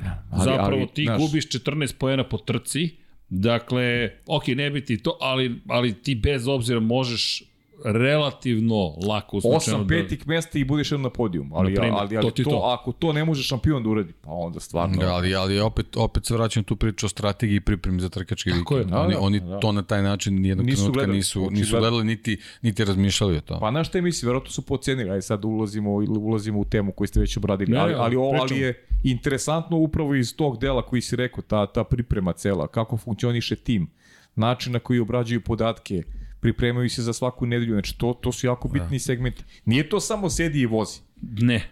Nije Ne. samo sedi i vozi, nego to je čitava mašinerija ljudi koja, koja, koja treba da dovede tim u poziciju da bude konkurentan svake nedelje. E, zato se Red Bull izdvaja Tako iz je. cele priče i zbog toga i jesu I Mercedes. i Mercedes, I naravno, Mercedes, i Mercedes. i Mada je Mercedes imao par kikseva ove sezone. Ne, dobro, znači Mercedes Dobro, je prvo generalno- ušao u sezonu sa ozbiljnim hendikepom što se tiče bolide, za koji su Pa je sami krivi. pokušavao nešto, za koji su sami krivi, ali su pokušavali, pokušavali sa onim šta su imali, najbolje moguće su izlazili na trke, osim par puta, kao što je bilo izvinjenje u Imoli ili Tako ne je. znam još Okej, možda okej. I, dve, i ne tri samo, trke tokom ne samo sezone. to, poređenje sa Red Bullom. Rekao sam, ona era kada su bili, kada nisu mogli se boriti za titulu. Pa ti Mercedes, ne vidiš da oni nešto gube glavu, sada su u nekoj panici, je. jer si, Ne. su bili konkurenci za titul. Ne, ljudi rade, pripremaju se za, čekaju Ne, da... oni samo pričaju o tome šta je- će da urade. Pa da, Ma čekaju da, da, ne, ponovo pos, ne postoji smak sveta. Nema, nema, Ne, nema nema. panike, Ne. nema drame. I Čemu? vidiš, vidiš da rade već do neke rezultate s kraja godine. U krajnjem slučaju pobjede Rasela je potvrda toga. I ne samo mala Rasela. I nisu jednom bili u poziciji da pobede. Bilo je tu još prilika tokom drugog dela sezone da, da se možda uz neki spet okolnosti, bili su blizu u nekoliko navrata. Jesu. Bili su blizu. Ferrari nije bio nijednom blizu da pobedi u drugom delu sezone. Pa kada pogledaš, da li je postojala jedna trka gde je, da kažeš, baš prava šansa, Nisu, ne a nisu iskoristiti neku situaciju koja se otvorila. Za pobedu ne. Ne, a mi smo pričali o Mercedesu i u Singapuru da očekujemo, što nije nemoguće da bi se desilo da Čeko nije odvezao trku života. Mislim, to je njegov apsolutno najbolja trka koji je ikada odvezao. Ali samo, da, samo bih konstatovao jednu, ajde, ovo je moja hipoteza. Zašto mislim da Max Verstappen je mogao više u kvalifikacijama, ali uopšte nisu to ni pokušavali. Kada pogledate gde je osvajao pol poziciju u drugom delu sezone, meni je to simptomatično. Velika nagrada Holandije, kod kuće si, u Zandvortu, to je mora da bude tvoja publika. Ja mislim da je on tu pokazao šta taj Red Bull može, ali nema potrebe. Štediš da li motor, da li menjač, da li sebe, nema potrebe da rizikuješ. Zamisli da izletao sa staze. To je da ti oštetiš bolid. Mm, to je skupo i pride, ne samo što je skupo finansijski, skupo je u kontekstu toga da ti nećeš posle imati dovoljno Tako je. delova. Tako je. To je moje mišljenje. Mm. Druga trka na kojoj je osvaja pol poziciju. Velika nagrada Japana. Čekaj. Ti sad na jednoj od najkompleksnijih staza u teškim uslovima za Hondu kažeš samo polako, sredit ćemo vam to. Osvajaš da. pol poziciju. I kraj sezone. Čekaj, čekaj, treba da se oprostimo od ove godine. I Meksiko. Da, dobro. Jel bio Meksiko? Da, meni, da, da, meni, da. Jeste Meksiko, je Meksiko. pravo si. meni je Japan, Čeko, ne Ono, može. Ne može, tako je, tako je, tako Meni je, tako je, Japan bio bravo. malo Meksiko više- sam zaboravio. Ne zaboraviti Japan, Japan je bio malo više ovaj, kontroverzan, sećate se Dobro, dobro. cele priče, nešto. Jeste, ali malo mi je taj Japan mi je kvalifikacije su mi- zasmetao, cela priča mi je zasmetala malo Ali to vezano za Japan, trka, da. Ali kvalifikacije, Kvalifikacije, to. da, to, to nema dileme, ali cela priča o Japanu mi je baš onako, nije mi legla, realno. Ba, ba, ba, previše To da, su to da, želeli da, to da. navuku tu titulu u Jeste. Japanu, ali, ali, ali iz Isiljeno, perspektive- isiljeno i mislim nepotrebno, nije trebalo to ni Maksu. Mislim, mislim da se i oni Generalno, lepo. pa i videlo Da, se po je njemu da, da, da, da, da. je da li sam osvoj, da li sam osvojio titulu, nisam. Da, takve Ne, stvari, ne, baš takve je stvari ne trebaju u bez sportu uopšte, znaš, to je baš je ružno, nepotrebno. Znaš, kad napraviš scenarij, onda ga izgubiš na pola. A da, Ne, ne, Ali najgore. ili padne kiša, pa ti mokar papir Znaš šta je najgore? jedan jako loše režiran film, znaš, Tako, baš e. loše režiran film. Ali Ajde i to, nego što je stvarno moglo tragično da bude. Jest, Jest, stvarno jest. nema razloga Vidi, da, nema da, da se to ponavlja na mestu gde smo već imali Tako takve tako je. situacije. I ovo što ste rekli, znaš kad napišeš to, to, to mislim da svi treba da zapamtimo u životu. Napišeš neki scenariju, napišeš neki film i onda se okolnosti toliko promene da insistiranje na tom scenariju te vodi u katastrofu, ali ti insistiraš. To mi deluje kao Ferrari. Mi ćemo nastaviti da se ponašamo isto kao što smo planirali, bez obzira što su okolnosti promenili. Samo što ovde je na mnogo drugačijem nivou. Ema, nije, da se ne vraćamo na Nije njih. Sergio Leone živ, on bi to mnogo bolje režirao. Da, ej, znaš da sam gledao ponovo, sada nedavno, bilo je jednom divljem zapadu, svaki put otkrijem nešto novo. Ono je potpuno On, maestralno. To, to je najveći genij. Sediš i gledaš Ne, ona, ona scena sa mulom, ja ne znam kako su ono snimili Pa bez da. efekata, kad Da, ugura ludilo. muvu u cev revolvera. Ma ludilo. ja, gledaš, kad viš, koliko ne ozbiljno, koliko si morao da Ja snimaš sam, ovo. ja sam ponovo gledao 150.000 put, je bilo jednom u Americi pre jednu, dve nedelje. recimo. To, to je isto sa- savršeno. Ma meni je to broj jedan film. Vidi, jedan, meni to... Ali ti špageti, ja sam bio dobar, Ja volim dobar loš zao. Dobar Ja- loš zao mi je omiljeni. A dobro, to je, to je, dobar loš to zao mi je je pokomiljeni. To je good, good vibe movie, to je ono, baš je pozitivno, je malo, neću reći ozbiljniji, nego cela priča, ali snimiti to i, i onda muzika, kakva je A ti muzika, kad obratiš pažnju na to, muzika, kadrovi, to, to nema niko kao savršenstvo. Ti po muzici niko. znaš čija je scena. Krećemo, da. light motivi, neprekidni. Njen, njegov, njegov, o, sve kreće muzika, izvini, deki, ali... Otišli smo, otišli. Ne, Otelo ne, ne. me, U Leone pričamo, ponelo u Leone pričamo, E, konačno, imamo trku u Teksasu, zato Da. sam ja to spomenuo. Tako je, pa dobro. ima, ima logike. I mada, mada, kako beše carstvo izlazećeg sunca beše sa, Tošir, sa Toširom i Funom uh, kada ide da E, vrati mač? Jest, jest. Uf, jest. to isto mnogo dobro. To, Dobro, i ti voliš to šira, ja ga Charles volim. isto. Bronson i ekipa. To širom i fune. Da. Kako... Verujem, verujem za, za ovih svima omiljeni japanski glumac. Čekaj, znaš da Japanci imaju sibilarno pismo? Sve je u slogovima. Kawasaki, Suzuki, jedini suglasnik koji se izgovara je slovo N. Ho, N, da. Ali sve je u slogovima. Imaš pet vokala A, E, I, O, U, njih kombinuješ i sve ostalo su slogovi i imaš slovo N. Uzmi bilo koji, to što širo, mi, fu, ne. Da, da, bravo, da, da. Čisto to, eto, i studije su se isplatile. Mama, vredelo je školovati me. da, jao, nemam ovde prikaz, ali to je sad kad bih poslao koleginici, mislim da bi smo napravili potpuni kolaps ovde, ali ne, ovo može da se izmontira. Na ekranu vidite specijalno izdanje, ovo možemo sad da vam saopštimo, japanskog duksa, kako se potrefilo sve. Opa. Obratite pažnju, Japan Special Dux Lab 76. Video sam. Jesi video? Si video? Ja Sad ste svi videli. Ja. Sad ste svi videli, Svi ali... ste vi videli, samo ja nisam. Samo Paja nije, čekaj, čekaj Paj da pokažem, pošto Paj jedini to ja nije. pogledam i sad bilo je sitno, onako, A, dosta, dosta i kažem, u, greška, čekaj da ja im srđanu. Ček, ček, nije, vratim da, Aj, shvatio sam ti šta se je. dopalo? Da. Pa da, mislim da sam ga naručio već. Gde si ja? Ako Rengenica iz prodaje, neće ona meni više na odmor za novu godinu. Stigo mi je pred, novu, pred novu odmor godinu, popodne mi je stigo Neće nikad na 31. novu godinu. Neće nikad odmor. Da, ja mislim da se to smeši peri, ali šalu na stranu, čekaj da ti pokažem gde mi je Japan Special. Čekaj da vidiš. Evo ga na ekranu, šta ti je? A pa do, pa do. Da, na ekran. Aha. Ali čekaj, moram da ti uvećam da vidiš ovo. Da, da, bravo. Top. Da će, da neće da Ovo će povećam. da... Nije, baš me čudi što je Deki naručio. Kako? Da li nekom treba vode? A, samo vi, a ja, ako, e, Ja sam, ja sam to je, odnošao. za razliku od Vanje. Vanja, to da se bude suptila. Treba neko vode. A da. To je okej. to je naravno okej. Okay. Mi smo ovde, e, ne diraj moju vodu. Ja diram ti, viš da ne diram vodu. Živjeli. Živjela. Živjeli. Ali, Htio da kažem, ja mislim da je možda koleginica pomislila da ćemo montirati pa da isečemo ovo. Pa možda. Ona nije svesna da, da se to neće desiti. Neće desiti. u, u, ovaj film to ne prikazuje, ali nema veze. Ne, ali hoću se vratiti ovo. Zaista sam ubeđen da Max Verstappen, to je ta, čak se ni ruka nije videla, ne. dakle, da Max Verstappen je planski birao to. Kada ću sad ja pol poziciju da, da, da završim, ali Meksiko mi je promakao deki, bravo. To je tvoja publika. Čekaj, Monako, sad ćeš da vidiš. To je makar hipoteza. Da, da, izgleda, iz nekog razloga mu taj Monako nije zaboravio. Šta Da, god to- da to se smo desi. Šta god- šta to god da je tek kasnije. To je u u, Brazilu. u Brazilu mu je potvrdio, a, a Mek, Da. u Meksiku je mogo da sumnje da nešto nije kako treba. Da. Šta bi? ništa, ništa, sad, sad da vidiš. da, to je vrlo zanimljivo. Elem, kada pričamo o tom nizu od pet pobjeda, samo da, da, da eto, evo pa i da pokažem kako smo dizajnirali logotip. Piše Rapu 76. Super. Vi imate lepši kadar, pošto montiramo, tako da, mada moramo zapamtiti. Zapišite, koleginice, kad treba se montira japonska dukserica, inače će Vanja morati da sluša ceo snimak. Pa dobro, što Mada, fali. bio je na odmoru. Neka, nek malo, nek se podsjeti. Nek nauči nešto o trećem delu sezone Formula 1 2022. tako, godine. mora da bude u toku. Tako je. Mora da bude u toku. Elem, Max. I o Westernu, i o Peleu, i Tako je. Schumacheru, Opa, baš smo kulturološki. Danielu Ricardu. Sviđa mi se ovaj početak nove godine. Pa dobro, vrtimo malo, mislim. Ali znaš vraćamo šta se korenima. E, ali znate sve, tako je, tako je, i lepi osjećaj. Ali deki, znaš šta smo zaboravili? Ljudi, znate šta je bilo pre dva dana u odnosu na 30. decembar? Lego Day. Lego Build Day. E, bio je. Pišem 28. Štet. decembar u godišnji plan E, štet. i tamo piše šta gradite za 28. Štet. decembar. Lego Build Day. Tako da svakog 28. Baš mi decembra. krivo.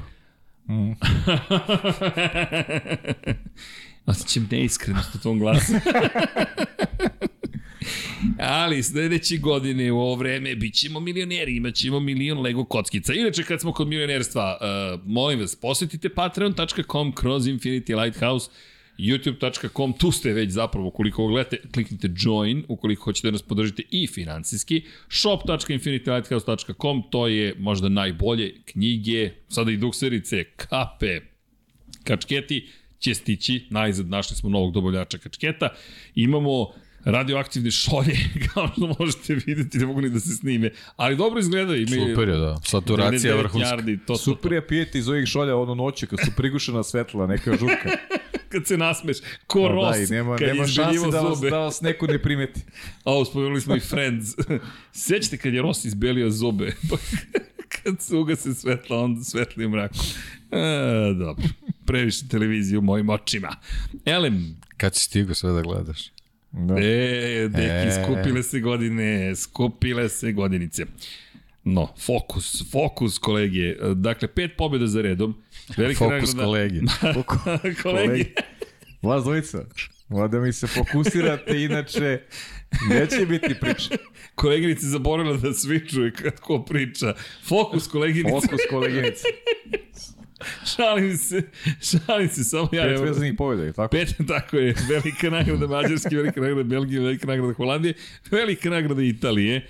I da, baš jedan impresivan, izuzetan niz u Singapuru, kvalifikacije, one bizarne. E Pa da, ne samo to, nego što su, Sećate- to su to staze koje, koje su kultne, Kultne, koje su bukvalno. zabavne i koje publika voli. Različite konfiguracije. Tako je. Monca, ja sam Tako Francusku, je, da. Francuska. Leclerova pol pozicija i ništa.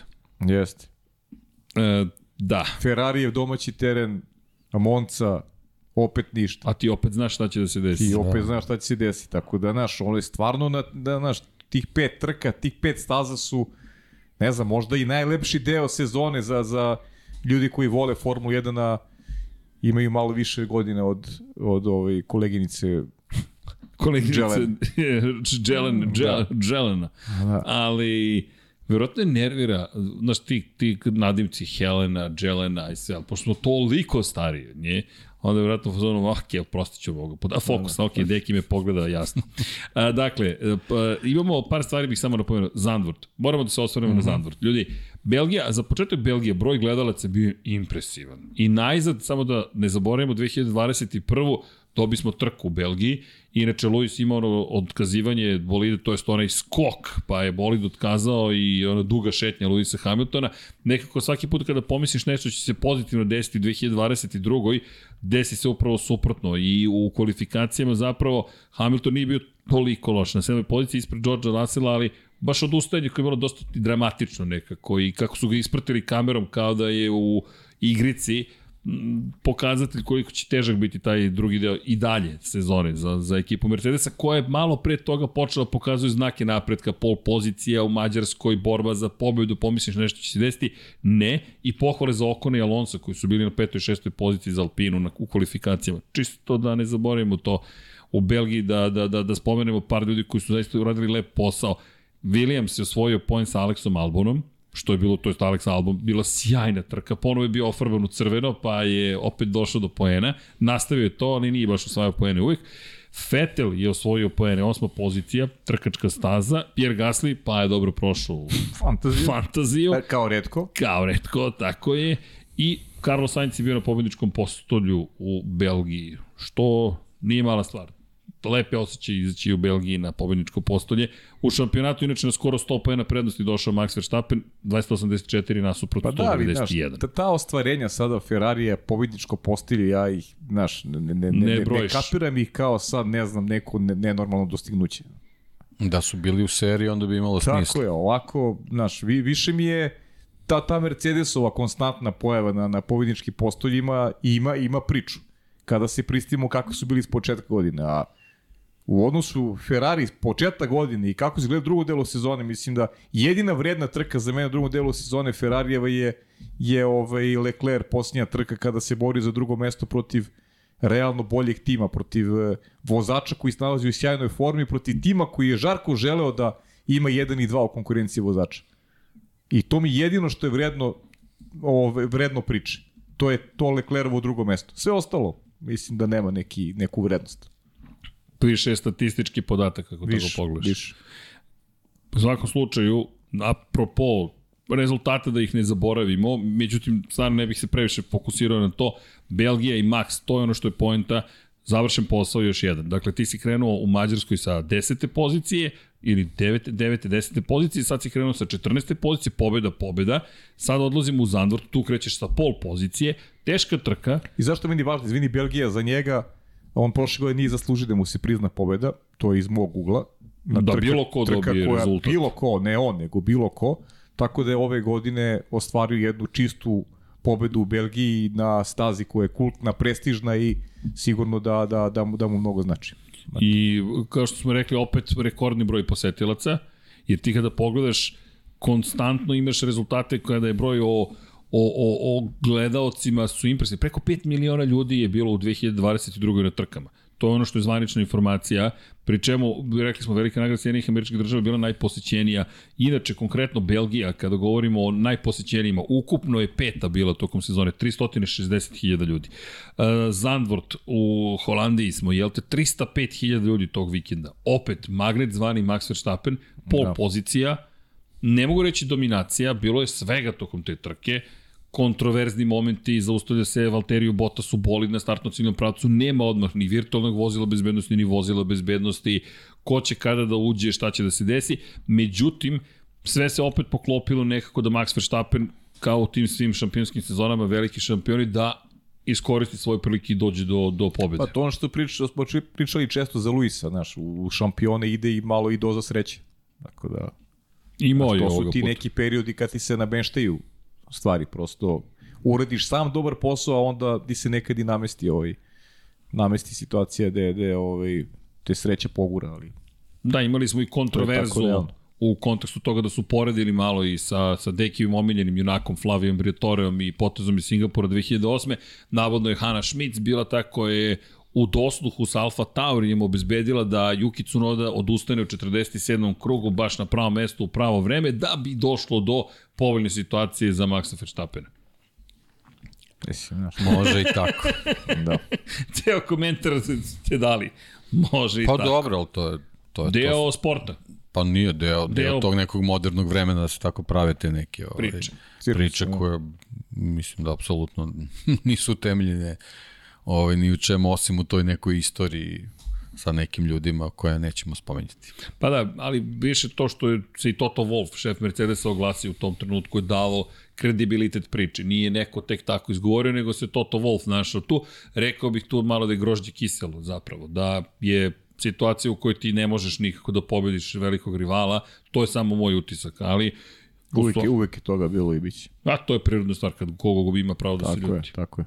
Vrlo je jednostavno, ali činjenica da je Max opet završio posao. Russell bio drugi, Russell nastavio svoj dobar niz u suštini, on i dalje momak ostao na vrlo visokom Ne, no, on je tokom čitave sezone bio konstantan čak i kad Mercedesu nije išlo. Stvarno, stvarno je pokazao kvalitet.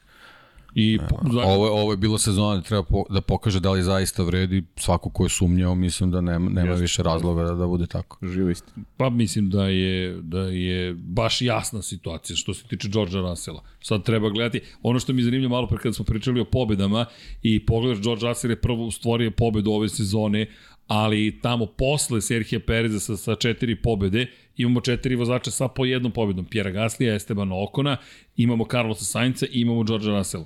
Da, meni je drago što se nastavio taj niz. Znaš, da svake godine imamo po nekog novog vozača koji su... Ma dobro, to je, to je nekako i prirodno, ali, Prirodno, ali, jeste, ali, ali Russell, nužno, zbog, zbog načina nužno. kako je počela sezona s Mercedesom, ovaj, to je onako malo, malo i, ovaj, i impozantnija priča, posebno način kako, kako je stigao do pobede. Ovaj, a opet s druge strane, ja stvarno jedva čekam da Mercedes napravi konkurentan bolid da bih video kako će da, da ovaj, kako će stvarno da uđe u duel sa, sa Lewisom Hamiltonom i da, Hamiltonom i da li će biti toga. To je Da. da. ono što mi, što mi je sledeća faza u McLarenu. Sve između mi je samo čekanje toga. Mercedes. Mercedes. U Mercedesu, znači Sam samo, vratio sa, ga u samo, McLaren. Dobro, sam, okej, pa ne, to je ono naše kad je, kad je Hamiltona, kad su pisa, pitali ekipa na M. Da, ja, da. to je Jesi gledao to pa? Jesam, jesam. Ja, to je savršeno. Ne znam da li je kolega. To je to. Kao, tim na M, McLaren. E, okej. okej, Da. hvala ti. Tako da kažem, sve, sve ostalo mi onako neki među prostor i čekanje, samo želim konkurentan Mercedes i da vidim njih dvojicu. To je. Vettel nije mogao da se seti Red Bulla. u istoriji. O, i ovo da, da. da, je, Ali je dobro, to znamo da je, da je Vettela. dobra fora. Da. Kaže, Sebastian Vettel nije mogao da se seti Red Bulla. To je kod njega dobra Nije fora. mogao ili... Stari šeret. biti nije hteo, da. stari, da, da, stari da. šeret, da, da. Mada stari šerbet, ali sad se... Šerbet, šerbet. Sad kažu da je da je navodno u priči da bi mogao da se pridruži ekipi Red Bulla kao jedan od članova menadžmenta. Ja ne verujem te priče, ćemo. Nemam pojma, ali eto, čisto spominje se. U dokolici razne priče znaju da se pojave, mada ko... Pa, lako je, lako je ići u šampionsku ekipu. Ja više volao da ga vidim na nekom drugom mestu. Gde? Gde? U Ferrariju? Pa naravno, Naravno. to je izazov. Šta sad ideš u Red Bull? Kao šta? U, zamisli, Ruke u džepovi, sve okej. menadžer šta. tima Ferrarija Sebastian Vettel donosi titulu. Nije Schumachera nasledio na stazi, ali na neki način je neku priču Pa stvorio. dobro, sećamo se da je Schumacher sedao na pit wall i njega, njega je to kopkalo. Pa da vidi kako funkcioniš. Pomagao je Filipe u Masi, dosta aktivno Tako je. U pokušaju da dođe do titule. E, no, dobro. Holandija u svakom slučaju, bila meni zanimljivo bio moment u Biću Holandiji, cinik, na sreću Kimi Rekoven. ili iskreno vrlo. Kimi, da, imate i knjigu, 2176 dinara, prevedena, jedina autobiografija, autorizovana Kimi Raikkonena. Inače, u Holandiji meni bilo zanimljivo to što su Mercedesu Georgea Russella odveli na zamjenu guma, Luisa Hamiltona nisu. I Jeste. U tom momentu je meni, moram priznati, Zato pamet. kažem, jedva, jedva čekam konkurentan Mercedes da, da vidim da li će to baš tako da bude. Kako će ali, da se ali složi. opet, ono, Pa ja- šampionsko lice Hamiltona nije, Pa ja nije bilo izjasnio, pravo. Ja, da. ja, mislim, ja to očekujem, ali mislim, ko zna. Da. Znaš, Pa ne ne. možemo mi da tvrdimo ništa. Mi Ne, naravno, pa mi Samo, samo možemo se nas zavalimo i da čekamo Tako da gledamo. kakvi nam se procesi odvijaju u glavama, mislim, pa to To emitujemo. niko ne zna. To emitujemo samo, a ja mislim da će Luis da, da se bori sa, sa Maxom sledećeg godine šampionsku To ni Adrian Newey ne bi mogao da dešifra, da. ti kažem te procese. Tako da, apropo, mada kada pogledaš, ti si pa u pravo iz perspektive čistog racija. Pogledaš spisak vozača najuspešnijih svih vremena, Lewis Hamilton. Pogledaš broj titula, Pa ne samo, ja ne, ne gledam brojke. Pogledaš brzinu, Ne gledam Lewis brojke, Hamilton. ja gledam i stazu u momentima kada Luis oseti krv. Uf, Kada Luis oseti da može. To je drugačiji Luis u odnosu, znaš, ja, njemu nije bio inspirativan početak sezone, a George je morao. George je bio inspirativan. Pa Pa da, sediš konačno u. Mercedesu, naravno. kakvom god, Protiv sediš u Mercedesu. Da. Ali deki to. mora. Tako je. Od mora. Ti si, ti si klinac koji je na početku, ti moraš Ma da on je uživao u svemu tome, on, Su, ništa sporno, problem on nije sve imao. odradio tako kako je, treba, da. ali znaš, ja i dalje, i dalje mislim da će Mercedes biti okupljen oko, oko Luisa. To je neka, neka moja procena sad. I da Luis i dalje ima ovaj, moći da se bori sa Maxom u kontinuitetu. I zato se nadam da će Mercedes isporučiti dobar bolid da i još jedne godine gledamo duel između Maxa i Luisa. Jer ponovit ću, smat, negde sam mišljenja da Luis ukoliko 2023. ne bude dobra, da će to polako biti početak njegovog kraja. Jer tu je i naravno godine njegove i tako dalje, dolaze ovi mladi, bit će onako sa sve više samopouzdanja, teško će onda se nosi ovaj, u nekom duže vremenskom intervalu sa, sa momcima koji dolaze. A već ima opasnog rivala u Maxu Verstappenu, koji je sada zauzeo busiju. On je sad taj koji je šampion. Nije Luis. Dobro. Da imaš dve bitke zapravo, generacijsku i legendarnu. Pa Imaš, dobro, to je uvijek bilo tako. Da, A, da, to, to, da. imaš legendu s jedne strane s kojom deliš ekipu i s druge strane imaš čoveka s kojim si delio stazu od kada ste se pojavili u profesionalnoj karijeri praktično. Ako ne bukvalno, onda ste u istom periodu se razvijali i dolazili u Formulu 1 u vrlo sličnim periodima. Konkretno mislim ovde na eto, Rasela i na Hamiltona i Rasela i Verstappena. I još pride uz celu priču o Landu i tako dalje i tako dalje. Ali ima tu par stvari. E, kada je reč o ovim trkama, Max je sada dakle pobedio sa devete pozicije, pobedio je sa 14. pozicije, pobedio je sa prve pozicije, odemo u Moncu gde je bio na poziciji broj 2 i mora da se pomeri unazad startna pozicija mu nije, nije vodeća, on je na šestoj poziciji, na sedmoj poziciji na početku trke i ti u Monci gde nije baš tako jednostavno preticati, opet završiš kompletan posao. Nije staza koja je laka za preticanje, ali da svako ti daje mogućnosti ukoliko DRS nije, može da nije iskoristiš baš ni Monako. nije onako svakako, ali opet se dešava da ti to koristiš i opet imamo Ali razlika što je toliko brza, znaš, pa to, to je Jest. njemu davalo tu, tu prednost u odnosu na, na rivale. E, inače, kada pričamo o I strategiji... tu je brzo, ne, ne znam, kad, pod- podsjeti me sad malo, Da. i tu je nešto brzo on došao do, do prve pozicije, tako, sa sedmog mesta. Nije to Pa trajao taj je- put toliko dugo. On je bio zapravo iz uh, Leclerc je kad moram da pronim kada je Leclerc menjao gume zapravo e, pošto je Leclerc odlaskom na zamenu guma je Ostavio. da deseti krug je bio vozi virtualno vozilo bezbednosti i u tom momentu je on otišao na zamenu guma kako bi uštedeli vreme. A zapravo Ferrari opet pitanje je da li je to bio pravi potez nije. Promenio je gume dao je vođstvo Verstappenu, kasnije ponovo menjaju i jedan i drugi, pa Verstappen zadržava tu prednost. I imamo čuveno vozilo bezbednosti Daniel Ricardo na kraju trke, što je dovelo do zaustavljanja praktično trke, pod žutim zastavom smo završili. Čuveni moment kada smo pričali opet Abu Dhabi 2021. A može da se završi za vozila bezbednosti itd. itd. itd. Yes. Ali je činjenica da je zapravo u- opet Verstappen bio taj koji je najviše profitirao od svega što se događalo na stazi. Ako pričamo o teorijama zavere u Holandiji, sad smo u Monci u Italiji, u hramu Ferrarija i opet Ferrari ne može da iskoristi. Jer Leclerc je bio prvi, ali ne samo to. Na sedmoj poziciji je bio Max Verstappen. I, ni, I opet ti znaš da će se verovatno desiti ono što se već desilo tri puta pre toga. Klasika već Tempo u trci. priča. Tempo Četiri trci. zapravo. A da, tempo trci. Tempo trci, tako. I razmišljanje tokom trke šta kada učiniti. I Ferrari koji, ne, pričali smo ti ja posle toga, mislim da smo, i ti mislim da si bio deki, da, da smo pričali o tome, nema zamirki Ferrariju. Pa da. Pokušao si nešto, bio si agresivan, jer ako uradiš Ako ćemo stalno da mu zameramo nešto, onda nema izlaza za Ferrari. E, bili ste agresivni, što ste bili agresivni? E, niste bili agresivni, što niste Pa bili? ne, u tom slučaju kad god ne pobede ti nešto zameriš, ali mislim da su vukli dobre, konkretne poteze u sad nisu urodili plodom, to je to. ali opet pokušavali su da, da dođu do da. pobjede. E, Kako god, opet, I je opet došao do... Max to iz hendikepa, stvarno ispočena je, iz priča hendikepa. već.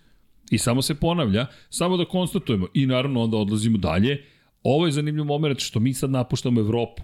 I nema promjena nikakvih. Ti odeš zapravo u Singapur, da, desio se kiks u kvalifikacijama, setite se, ajmo obustavi ovaj krug, probat ćeš za dva kruga. Ajde obustavi sada i ovaj krug. Na kraju čovjek pita šta se ljudi događa ovde, u čemu je problem? Gorivo, ok, dođu do toga da nemaju dobru startnu poziciju i generalno trka koja je bila možda najaljkavija trka Pa da, Za njegovu stranu naj, garaže. najveća greška u sezoni generalno. Mm. Ono kad se prekočio, još to je tragovi tamo na, na Da, da. ulici, ja mislim. Da ostane.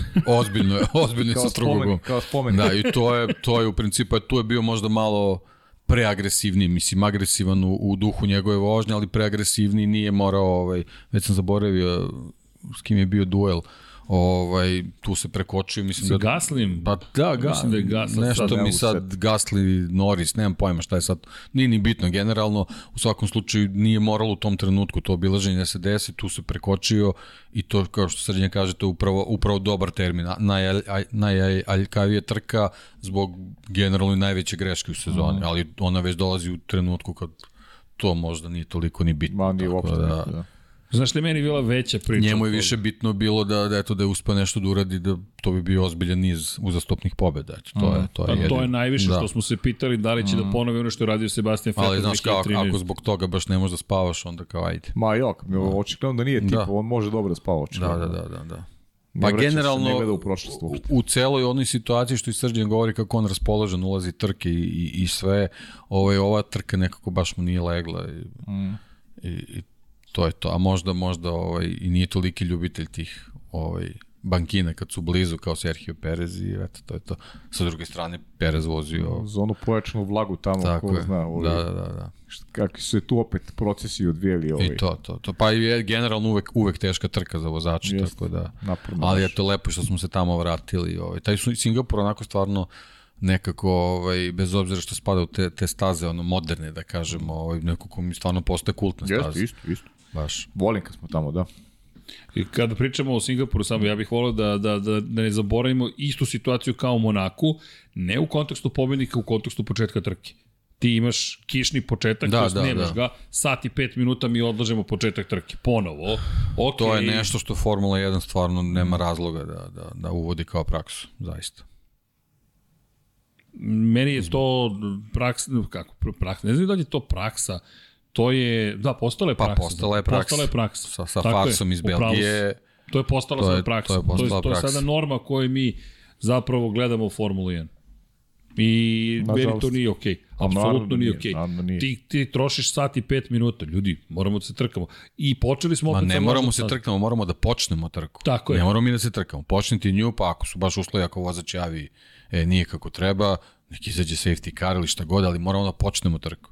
Nema, nema razloga da, da, da bude odlaga, odlaganje. Pa da, ali ako uvedeš da će biti 3 sata trajanje te trke, a ti si započeo odbrojavanje i šta su oni radili? Apropo Belgije, to loše napisan pravilnik i dalje. Doći ćemo u Japanu do toga kratko, ali ljudi, imaš 3 sata ograničenje, sam si ga uveo, zašto si ga uveo ako ne znaš šta da radiš sa to 3 sata? A ti očigledno ne znaš, pošto dolaziš u situaciju da ajde da odložimo start, da ne bismo zvanično počeli odbrojavanje, jer u tom momentu imamo samo 3 sata. I sad, paradoks, to je uvedeno zbog televizije, da bi u 3 sata stao prenos. Ali više neće stati u 3 I sigurno. onda ne prenosiš ništa. Da, jer ti si sada Da, pomerio sve za jedan sat i onda ćeš da i dalje traješ ukupno 4 sata. Razlog zbog kog si uveo to pravilo više ničemu ne, nije, ne postoji zapravo. Ti, ti si pokazao da ti nije, nije bitno da to traje 3 sata suštinski i dolaziš u potpun haos. Pri tom preko okeanske trke uh, ogroman problem praviš ekipama za logistike, svako odlaganje, svako pomeranje, glavobolja za sve ljude koji to organizuju. Dobro. Upali se siri. sve okej, hvala. okay, sve okej. Okay. ovaj, onda imaš te, te, te probleme sa tim televizijama da, da produkcije stavljaš u, u, u, ozbiljne, u, u ozbiljne probleme da, da se popuni taj program i tako dalje i tako dalje. Mislim, to su generalno sve nebitne stvari. Najvažnija je stvar da jednostavno trka Formule 1 koja je, koja je, je predviđena od kad postoji da se, da se vozi u kišnim uslovima, jednostavno treba da počne na vreme. I Pa to, to, sad, to, sad ranije rekao- se nikad nije postavljao pitanje oko toga. Sad si rekao suštinu. E, ti treba da gledaš ono što je interes sporta, a ne te prateće stvari. Tako je. Jer ti plati i penale neke. Ne bi se zvali prateći da nisu Tako je, tu gde ti su. plati penale ako treba platiš tako penale. Je, tako je, Ali ti se drži onoga što je neki... Jel, jel ti tako gubiš i publiku? Apsolutno. Gubiš i publiku. Drži se onog što su, što su normativi, što su pravila sporta. Toga se drži. A ne da gledaš kako će regu, ova televizija kako će gleda, koga to zanima. To, to, to je totalno nebitno. Ti moraš svoj sport da ispoštuješ maksimum. Tako je. Da bi i dalje bio uh, na nekim nekom, ajde da kažem, ovaj, željenom nivou, da bi, da bi bio gledan, da bi možda privukao novu publiku. Bilo je ove godine definitivno mnogo tih. Mislim, znaš, Nije pot- bilo, nije bilo Belgije od prošle godine. potpuno je razumljivo, znaš, kad je neki ura- uragan, neki... Ma, ne, dobro, ne znam, naravno, ali, ma, znaš, dobro. kiša kao Možemo takva. svi da razlikujemo- Mislim, naravno, Kad može, kad ne može. apsolutno. Niko, niko nije lud da pomisli da sad stvarno nekim nenormalnim uslovima to ne može da krene, ali jednostavno kad, kad je onako ovaj, situacija kakva je bila u Singapuru, zašto da ne, mislim, ali dobro. Treba, Zašto sa, bi- treba samo notirati da je Sergio Perez ponovo, ponovo da. pobedio Da, ali uz kako je bankine. pobedio? Zašto bi neki ljudi ovaj bili važni ako Ne. znaš, se ne bi ovaj eto, izašli negde i kao oni su nešto saopštili i znaš, oni su u tom sportu odlučuju i tako dalje. To nije samo Formula 1, nego generalno danas imamo plijadu tih nazovi sportskih radnika koji veze nemaju sa, sa onim čime se bave. Nije to, nažalost, samo kod nas. Pa nije, to je rasprostranjeno i sve da. rasprostranjenije u novijoj eri ljudskog, ljudske civilizacije. čovečanstva generalno. Makar je to neki moj utisak, kao da ima potrebe, ja imam neko radno mesto, čekajte da osetite da ja postojim A u da, tom. tu, se, tu ja ću sad da razmislim malo o tome, Pa, ja ću to. da vam kažem kako to treba. Da, ne, tvoje radno mesto je da se ne vidiš, nego da obezbediš mogućnost da se oni koji treba da se vide, vide što više i što bolje i tako dalje i tako dalje. Kako god, ja bih samo po, ozbiljno pohvalio Serhije Pereza, bilo je tu i dve kontroverze, nije ostajao u 10 razdaljene u odnosu na vozilo Jeste, da. I Bilo jednom- je grešaka, bilo je grešaka. Baš je bilo grešaka, s njegove strane nepotrebnih, ali i direkcije trke, no opet nekako kontroverze kada je reč o, o Serhiju, o Red Bullu i to, setimo se Silverstona načina koji je vozio, pa nije kažnjen, nije čak ni, nije, ni pod istragom nekom suštinskom bio. Mnogo toga se nekako izdešavalo što do situacije kažeš... Ma nema dosle, doslednosti, Pričamo. koliko smo puta već, da, mislim da smo da, da, dosadni jest, već, dve, jest, dve godine jest, pričamo o nedoslednosti ovaj, FIE, ali stvarno treba i nešto da promene po tom pitanju. Zaista ovaj, a, neke, neke, neka stvarno vrhunska sportska dosti- dostignuća padnu u drugi plan zato što se donose te neke kontroverzne odluke Mhm. koje ono, apsolutno nema razloga da, da, da, da, da se uopšte da, da se uopšte da, da, ti slučajevi načnu na taj način, ali neverovatno da mi iz trke u trku imamo, imamo neki problem gde, gde jednostavno ne možeš da shvatiš da, da, da je moguće da je neko na taj način done odluku. Ali, eto, i To to, ne- je, i to je Formula 1 izgleda moderna, jednostavno je tako. Da, ali pohvale da. zaista za Perez, ono je bila teška trka pod ozbiljnim pritiskom do kraja same trke, Na teškoj stazi. jeste, Da, to je, gde se je svaka greška važno. plaća. Da, da. Leclerc koji je bio iza njega, Charles Leclerc koji juri pobedu u drugom delu sezone za Ferrari, konačno bori se protiv Pereza za drugu poziciju u šampionatu sveta na kraju ove trke. Razlika između njih dvojice je bila samo 9 poena u korist Charles Leclerc. Ne, to je bilo posle Monci, izvinjam se, posle Singapura je ta razlika smanjena, ali to je ta bitka koja je kasnije trajala zapravo Pa sve. do kraja, da. Tako je do, do Abu Dabija i u Abu Dabiju smo dobili rešenje toga. I kao što si rekao, rešeno je pobedom Charles Leclerc. Leclerc koji je imao dva poena prednosti posle Si- Singapura. I ušli smo u tu zabavnu bitku, mada nam se činilo da možda neće biti toliko značajna, na kraju jeste bila. Na kraju baš bila važna.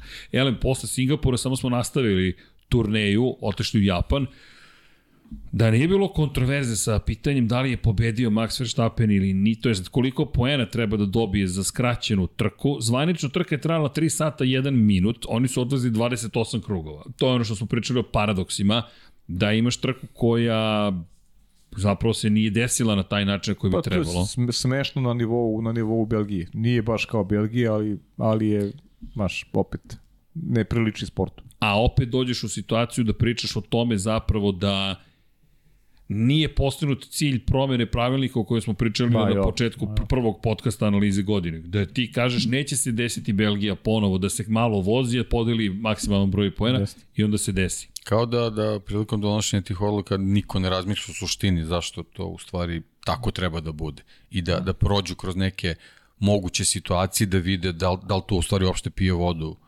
te, te no, normativi, ti novi koji su dati. Pa zato što, Stvarno deki, zato što se da. deki time bave ljudi koji da. veze nemaju sa A znam, ali a znaš, To to. poenta je što si ti tu u nekom e, visokotehnološkom sportu, ti stvarno neke situacije ne možeš da prepustiš slučaju. Mislim, jako je važno, posebno što je to danas potpuno moguće.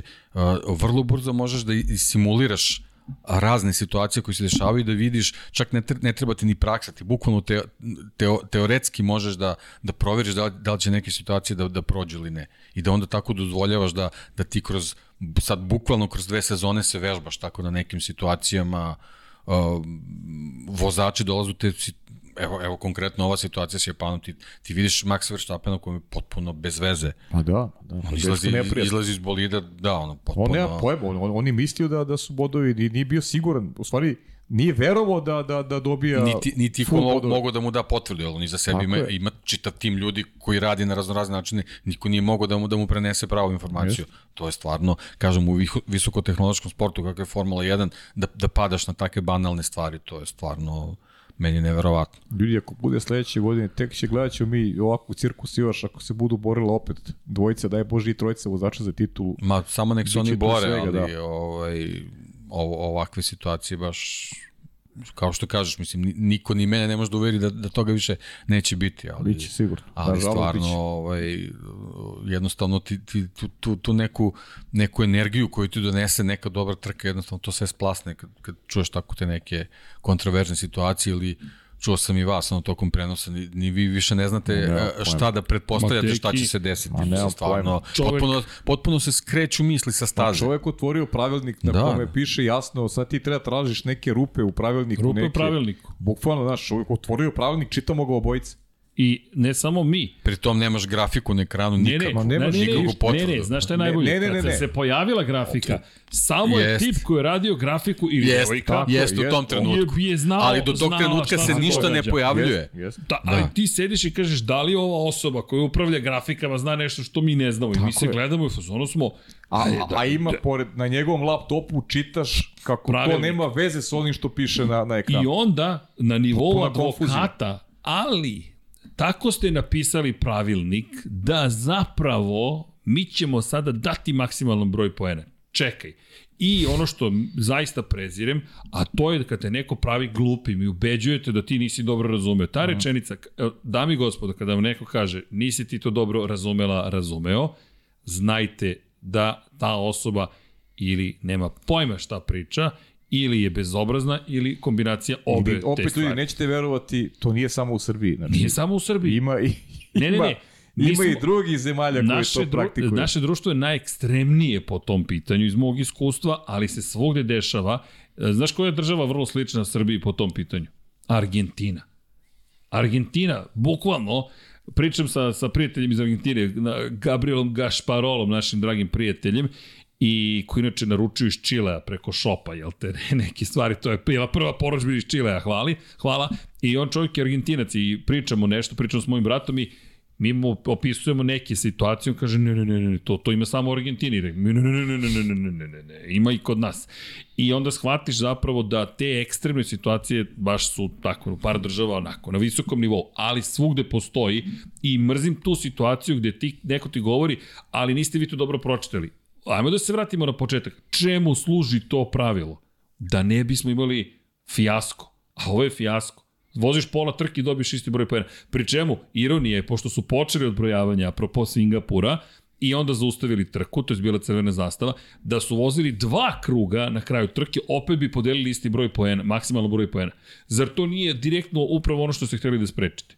Soludo. I sad, čekam novi pravilnik, možda je već izašao, da vidim šta je roze, to je ciklama bojama kova šolja, napisano, inače i šolje možete kupiti na shop.infinitylighthouse.com, To ćemo, to ćemo da pripremi za sledeću godinu, pričamo o novom pravilniku. Tako je, ali jedva čekam da vidim šta je ciklama bojom istaknuto, da vidim kako su sada razjasnili taj, te članove. Elem, kako god, cilj je bio jedan jedini da Max Verstappen postane šampion sveta u Japanu pred Hondom, koje je tog vikenda, to je te Da nedelje, dobijemo romantiku. da dobijemo Potpuno. sve sa onim krznom, ono mi je Ma, bilo da. bizarno, kao da sam u, ne znam, nekom filmu iz 92. u kojem James Bond u Finskoj dočekuje neku lepoticu, taj fazan sam imao Kažem ti, glavi. taj amerikanizacija, taj spektakl, Formula 1 stvarno ne treba. Ali spektakl se desio. Slušaj, Jer spektakl je ono što si malo pročitao, publika u Belgiji, Tako u je. Holandiji, u Italiji, to je spektakl. 200.000 ljudi je To je bilo u. Japanu. Ne to, je- to je da spektakl stane. koji treba Formula 1, Ej, ništa više. Suzuka bila rasprodata po kiši, Znaš, te, vetru, te, svejedno. te banalne stvari kojima pričaš nisu problem, ali je problem recimo jedna dimna bomba koja ne znam gde padne pa kao bože,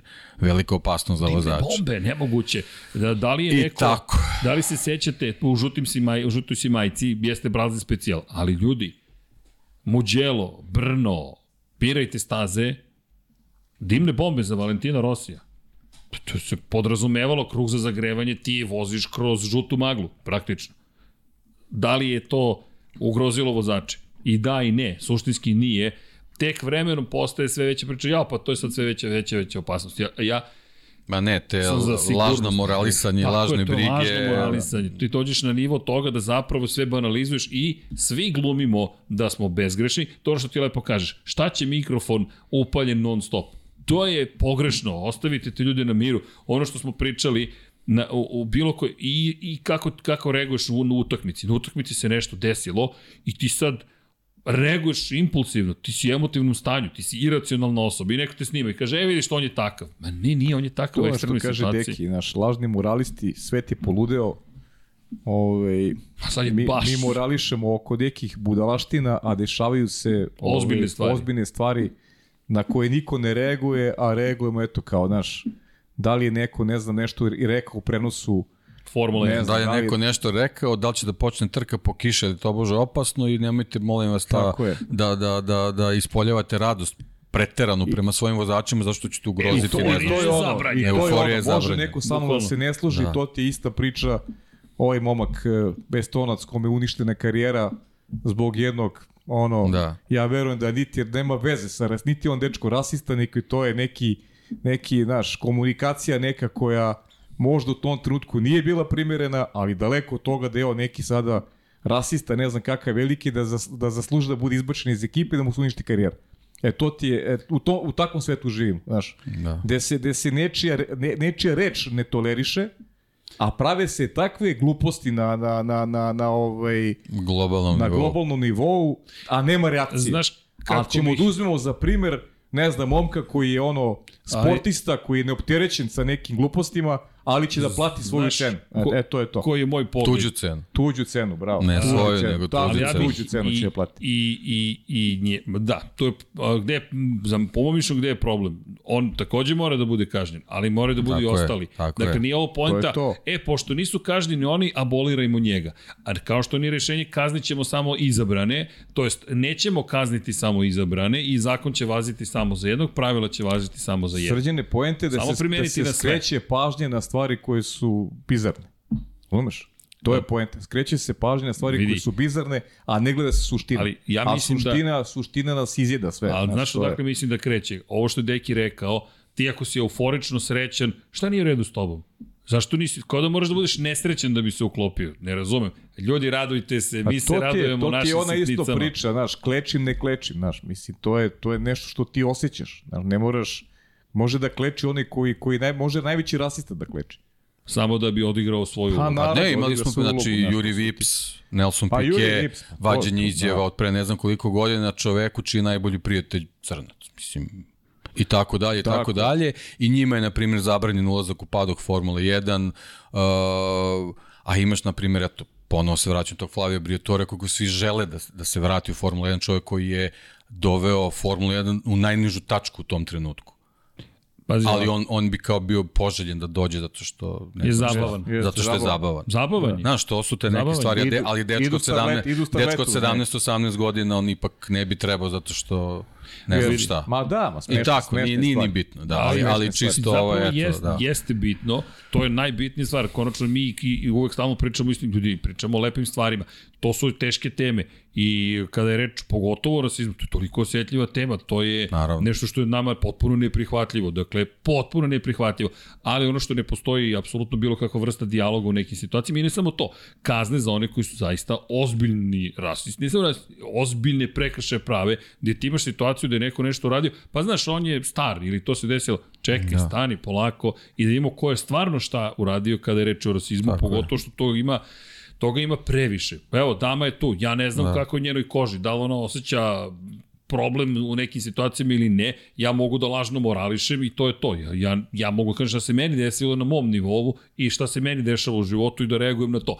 Ali ono što je pointa jeste da Pa to kada ti- pričamo o to Infinitiju, Kao, kao kad ocenjuješ ljude, kao, znaš, sad, znaš, pričamo, mi možemo pričamo o, o ovim momcima, o tome kakvi su oni sportisti, znaš, kakvi i su šta na rade stazi. javno. Otkud, tako je, otkud ja znam privatno. kakvi su oni privatno. Ja da pričam o njima privatno, znaš, ti dobijaš poruke, on je ovakav, kako ja da znam da je on takav? Pri tom, pri tom te društvene mreže prave potpuno čekaj. lažnu sliku Lažnu o sliku, nekom. A ne samo to, ja, ja sam... to je sada i planski ja, lažna koliko, slika. Tako koliko je, ja imam, tako je. koliko znam sportista, ne mogu da, da, da ih nazovem baš prijateljima, ali sticam okolnosti ih znam neki koji mnogo pomažu, a ne žele da se to zna. Pa to je njihova stvar. To je njihova stvar. njihova stvar. Ali meni to govori, ja to znam, pa onda imam jasniju sliku o njima. Pa vidi. Ali to je moja slika, ja to Privatno, znam. privatno i na terenu su Evo, dve potpuno ono različite što- stvari. priča. Knjigu Crveno i crno. O čoveku koji je bio na e, granici prihvatljivog kada je reč o onome što radi u Formuli 1. Jel to značilo da je on manji dobrotvor ili humanitarac kada je pomagao svima kojima je pomagao, a mnogima je pomogao u svoje privatno vreme. To ne znači da ga to... Sećate se onaj tsunami kad je bio, on je, on je uplatio iznose veće nego što su pojedine države uplaćivale. Bukvalno. Što? I to je zato što je neko saznao pa je objavio. Ne, on to nije Da, zato što je palo na pamet da, to, da. da, da, da to bilo ko zna. E, ali tu sad ima dve stvari. Prva stvar, to njega ne pere od bilo kakvog Tako je, greha naravno. koji je učinio na stazi, kao što ga istovremeno greh na stazi ne čini lošom osobom. Tako je. dakle, Tako je, u datim okolnostima ti si radi nešto što se meni može ne sviđati, ja mogu to da osudim kao sportski i nesportski Tako je. Ali da ja sad pričam o ljudskim kvalitetima, da lažno moram, nemam Ma jo, predstavu ko je nemamo kakav pojma, čovjek. nemamo Nemamo, pojma. E, vidi, mene su optužili da sam rasista, te, no, jedan momak je nešto pričao, kažem, ok, to je tolika glupost, neću ni da odgovorim, da, zato što, ne znam, Hamilton je pobedio, nisam ga dovoljno hvalio. Ok, ako vi hoćete da projektujete, to govori o vama Da, to više su, nego o to su meni. te priče kojima pričamo naše. Pa, Ostalo mi Ayrton Senna dok, dok, je, dok je bio na, na vrhuncu svoje karijere, javnost je bila potpuno podeljena. Jeste, nije bio obožavan Nije, to. nije on nije, bio, da. da, nije, Nije. nije bio, ovaj, a on je čovjek koji je ogromna sredstva ulagao u fondacije. Samo ti kažem, to je, to je dokaz da je bio, da je bio pravi. Pa da, da, ali, ali to je to je potpuno u sportu izazivo- nekako nekako uh, bilo potpuno prirodno da se prave te neke podele Ali- i polarizacije, ali sad se usiljeno neke stvari forsiraju Mhm. Mislim, iz nekog razloga gde, zato što neko Znaš- smatra da to u stvari tako treba znaš da bude. Ali to su te neke nove vrednosti, mislim. To je... Ma, mislim, to mogu da neko da ih Tako nazove je. tako. Ne, ja ne priznajem ni malo te, te nazovi Tako nove je. vrednosti, ne zanimaju me uopšte. Znači, to je, to je ono što govorimo, šaljamo poruku stalno. Svojom glavom ljudi razmišljajte, to je poente cele priče, obrazujte se, razmišljajte svojom glavom Tako i je. da vam ljudi ne nameću neka svoja blesava mišljenja, nego da ih vi kreirate. Pa neka je. budu i blesava, neka budu vaša. Samo Poenta je samo- te- Znaš, kažem. to je, ako Šta neka budu i blesava, Poenta neka je samo da vaše. neke stvari ne uzimate zdravo za gotovo. A, to je naravno, ono što je, što je jako Oh, važno. Dobro, to je najteže u životu. To je važno, rekao, ali, ali to što Paja pa, kaže, kad, kad, kad čitaš, kad se obrazuješ, kad e, više izvora uzimaš u obzir, je. onda dolaziš do nekog svog Vidi, mišljenja. Na primjer, mnogo, e, često se, Lewis Hamilton ti je kontroverzna ličnost, podeljena, mnogi ga svi su oni kontroverzne ličnosti. Ali Pa, to, je, to je kao normalno, ja hoću da kažem, meni, apsolutno ne smeta ništa nikud koga od njih. Max Verstappen je njihovo. je. ličnost. Sad su Jeste. počeli Charles Leclercu da, da izlače da, da je raskinu s devojkom. Ali čekaj ljudi, š- Ne, ne, da, bez veze. šta je to? Zašto je to u slučaju a, Charlesa Leclerca loša stvar, a u nekim Da. drugim situacijama je potpuno okej? I, i, generalno, i generalno šta meni, šta na meni briga, šta, šta mi briga šta Lewis Hamilton radi privatno? Ma, on, on nikog, nije, vidi. on, čovjek nije ubica, on nije, nije lopov, to nije razumem. ubica, nije, nije ugrozio, nije, on živi neki svoj život. E, ali Njegov izbor, on je na stazi, veliki šampion, veliki jas, ja ga Kraj poštujem. priče. I tu se moj problem, Problem je, problem je što žuta potpuno. štampa pobeđuje u Pa, mnogim je, to je, segmentima to je, i onda... da. Ovaj, Zato, mazite se i pazite se. Problem i je budite što, što dobri kad to krenu drugima, ekstreme, to je, to je nezgodno. Ne, ali ljudi, to jeste poruka zato. Da, da, da različita mišljenja, apsolutno, vaše mišljenje, nema. Ja, ja ne, ne mogu, neću, nik, ne, neću, ne, ne, ne želim da kažem nikada. Ne prihvatam bilo šta kada je reč o podeli. Boja kože, veroispovest nacije i sve ostalo. Ne zanima me, ne dozvoljavamo, mi ovde to ne to dozvoljavamo, samo. bukvalno. I ima još jedna bitna stvar u celoj priči, obrazujte se, zaista se ljudi obrazujte. Nas trojica smo formalno neobrazovani, ali se i dalje trudimo da čitamo i pišemo knjige u slučaju Tako gospodina. Dejana Potkonjaka. Večiti neobrazov. I u mom slučaju, I, i u mom to teo slučaju, da kažem, da. biće završena i gospodina sa Ali desne strane. apelujemo, apelujemo da Na razumevanje. završavate fakultete Da, i da se da. obrazujete. To je, Završavajte, diplomirajte, mi smo ozbiljno siromašni ljudi zato što to nismo radili. Eto, to je ko zna, poruka. ko zna kakav bi podcast tek bio da smo završili, Da. ali šalno stranu, završite diplomu, to jest diplomirajte, govori nešto o vama, u kontekstu društva, živimo u društvenu, društveno smo bića, nije, To koleginica završava Ste diplomirali? Masterirala, verovatno. Pa da, ja, master. Pa zato smo i doveli. Master. Master of Puppets. Za- za- Zato smo i doveli. Od kad nisam svirao, sad moram da uvežbam Master. Ste slušali album Master of Puppets? Ne. Ne. O, Da li, ste, da li ste slušali kad je svirao u studiju? ne. Imao jednom od podcasta. Da, bilo je davno. A, posledeći put. Plinc, plinc. Štelovo je 20 minuta gitaru. To je bilo Zato je zabavno. podcast trajao 6 sati. Bili smo u podrumu, za To, razliku da, od to su ovoga. ta neka vremena. Da, 5 5 plus su Pet bili plus, svi. šta- Svi su bili 5 Štelovo plus. gitaru, da, onda je To, trajalo. Pa dobro, bio COVID. Pa i to je tačno. To Šta da radimo? Šta radiš kući Bolje ja da štelujem gitaru. Bili smo mlađi, mršavi. A mršavi definitivno. Dobro, i mlađi. Ova očigledno. kamera 4 baš me nervira. Pa ne, ovo su ove. Vidi, ja, ja moram da se ispravim i nagnem napred kad je kamera 4, znaš, znači moram ovako da se prebacim, da se naslonim, otprilike držim ruke ovako. Ali dobro, ne vredi, nemaš pobegneš ni od jedne kamere, neki džaba nam. I inače dođe smo mi do Abu Dhabi. ne, ne, i u Japanu smo, ali vidi, sad Moja mala sad je u da- Japanu.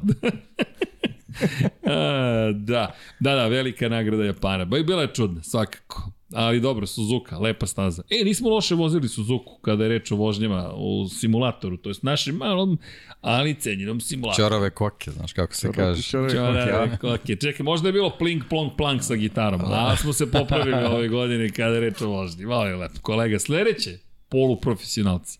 Polu. Polu. Polu, ovo je profesionalci. Moto Grand Prix kreće od Moto 3, to smo Ej, se dogovorili. Jezivi smo u Aha. Moto Grand Prix. Katastrofa. Opa, Pa jo, kad... mora da se vežba. Jeziv. Trening, trening, ni izašao iz mode nikad trening, da znaš. Dobro, Paja. Paja. Pa, e, moram, ja, ne, dobro, sledeće nedelje. Šta? E, nešto Ne, sam ne, zaboravio. Sledećeg, ne, ove godine, A, ove zapravo, godine. De- Sledeće nedelje, lepo si 10. rekao. 10. Lepo, pa ne, januara. sledeće nedelje, lepo si rekao. Pa da, da, da. da Gledaju da, treći. Da, da, da. Sledeće nedelje. Da, da, ali dobro. Kako Dobro, god, okej. 10. januara. Dobro, dobro, okej. Mislim da će tad biti spremno. E, kao što smo mi spremni za veliku nagradu Sjedinih američkih država, na kojoj, ko je osvojio pol poziciju, ko se seća? Pol poziciju. U Americi. Da, Deki se seća. nije Max. Nije Max. Nije, nije, kako? Max nije, Max nije sigurno. Ko, ko, ko? Bilo je jako čudno. Kevin, Kevin? Ne, ne, nije Ne, ne, ne, ne, ne, ne, nije, nije. Osvojio je... Osvojio je... Osvojio je. Pa ke, ne, pa Nije, nije. Nije, Kevin je u Brazilu. Kevin Brazilu, a? Kevin je u Brazilu. Ne mogu setiti. Jedini uz Kevina, a, u posljednjih pet trka, tri, tri pol pozicije Max, Max Verstappen. Da, ali... Ali tu nije. Čekaj, probam, da ajde. Carlos Sainz. Tako, Tako je, je. Da, da, Carlos Sainz tako je. mlađi. Sad se setio da tek...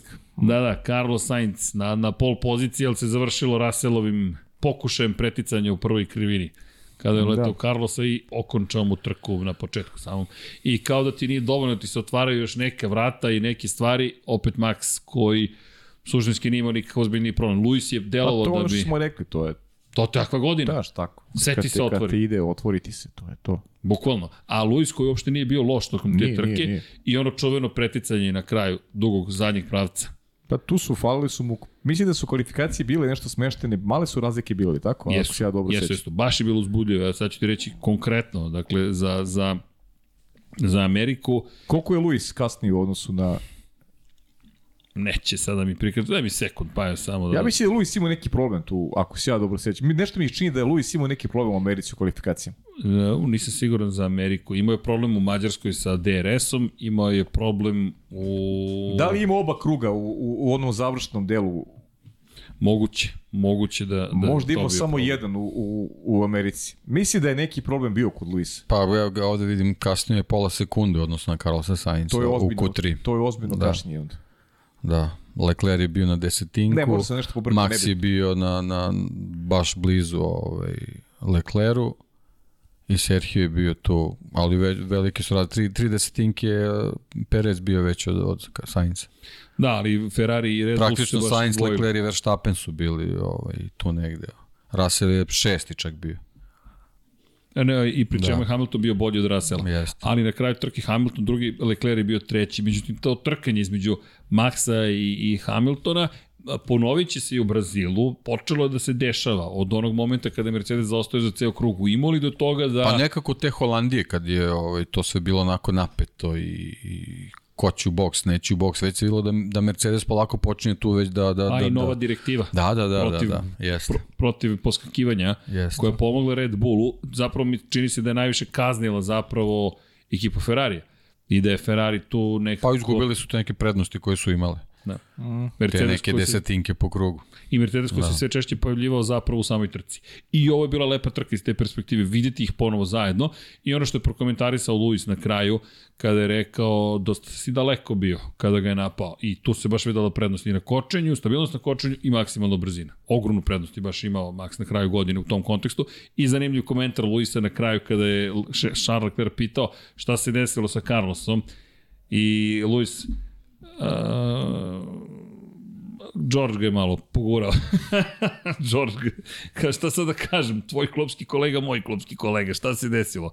Da. Pa, George je bio malo agresivniji, a najbolje od svega kada je George rekao, e, zašto me zatvorio? E, Ne, George, ti si uleteo u njega, ali dobro. Pa dobro, da. Instinktivne reakcije. Dobro. Jeste. Kako god, George je reagovao kao i svaki drugi vozač, nema, pa, nema razlike. najnormalniji. Inače, ovo je bila najposećenija trka. 440.000 ljudi za 3 dana.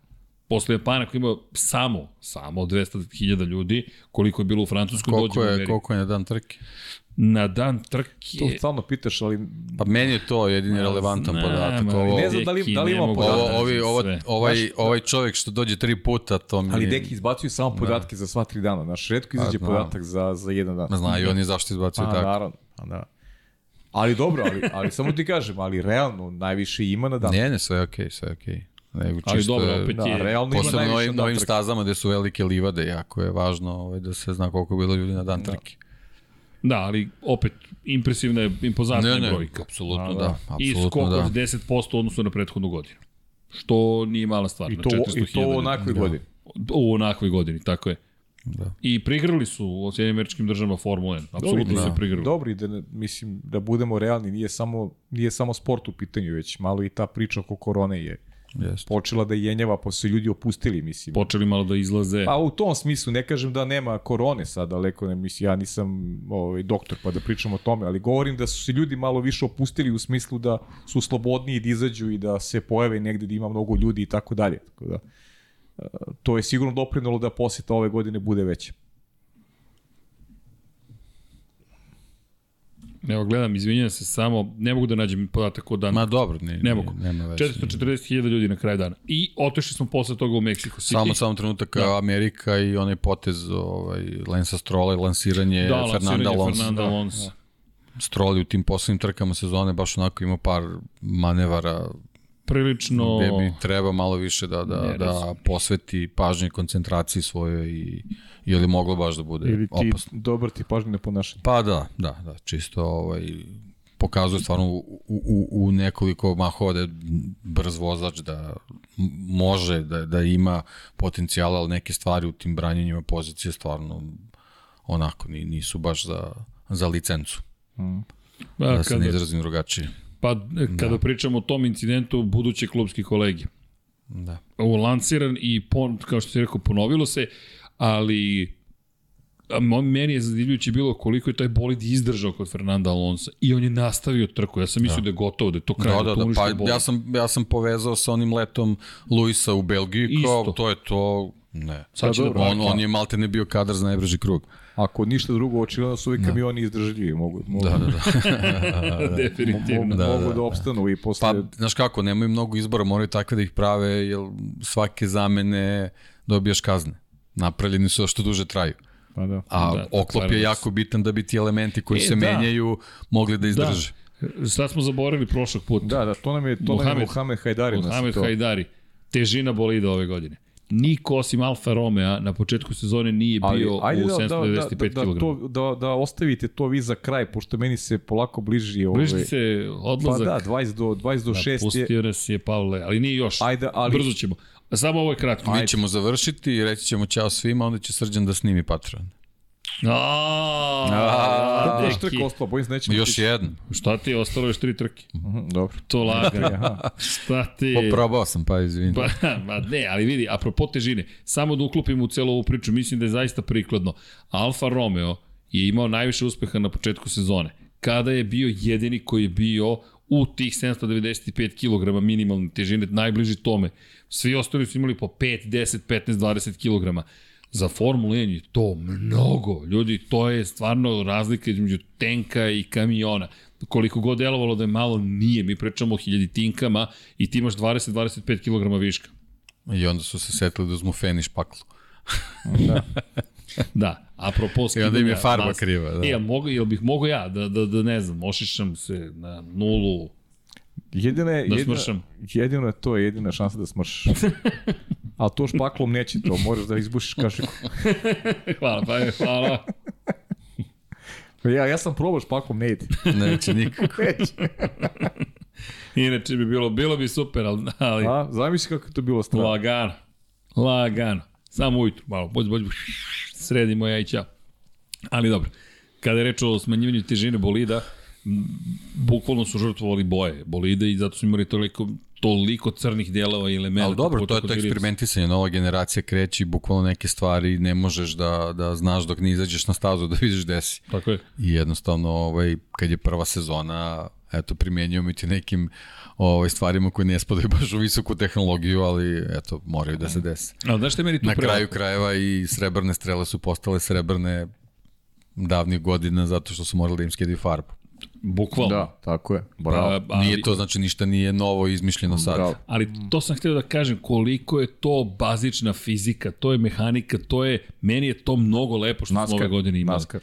A da, upravo to. Ti si se vratio na to da taj visokotehnološki sport zavisi od osnovnih principa. I meni je to super zato što mislim da apropo obrazovanja i pozicije u kojima se nalazimo, gde su nam izvori znanja na dohvat ruke, dva klika ti otvara znanje, mi se zaglavimo na društvenim mrežama, Instagramu, ko šta radi, ko je s kim, gde je bio, šta, kakve Živa to veze ima. lepo si rekao. Ali.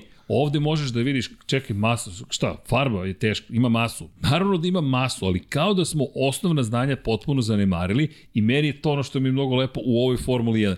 Vidiš crni Williams, što je cr Williams crni? Ljudi, nema farbe, to su ugljenična vlakna. Oni su ispekli ta vlakna i farba, nema farbe, 400 grama, ćao, 400 grama, gotova stvar. Smršali, smršali, bukvalno. Williams, smršao Williams.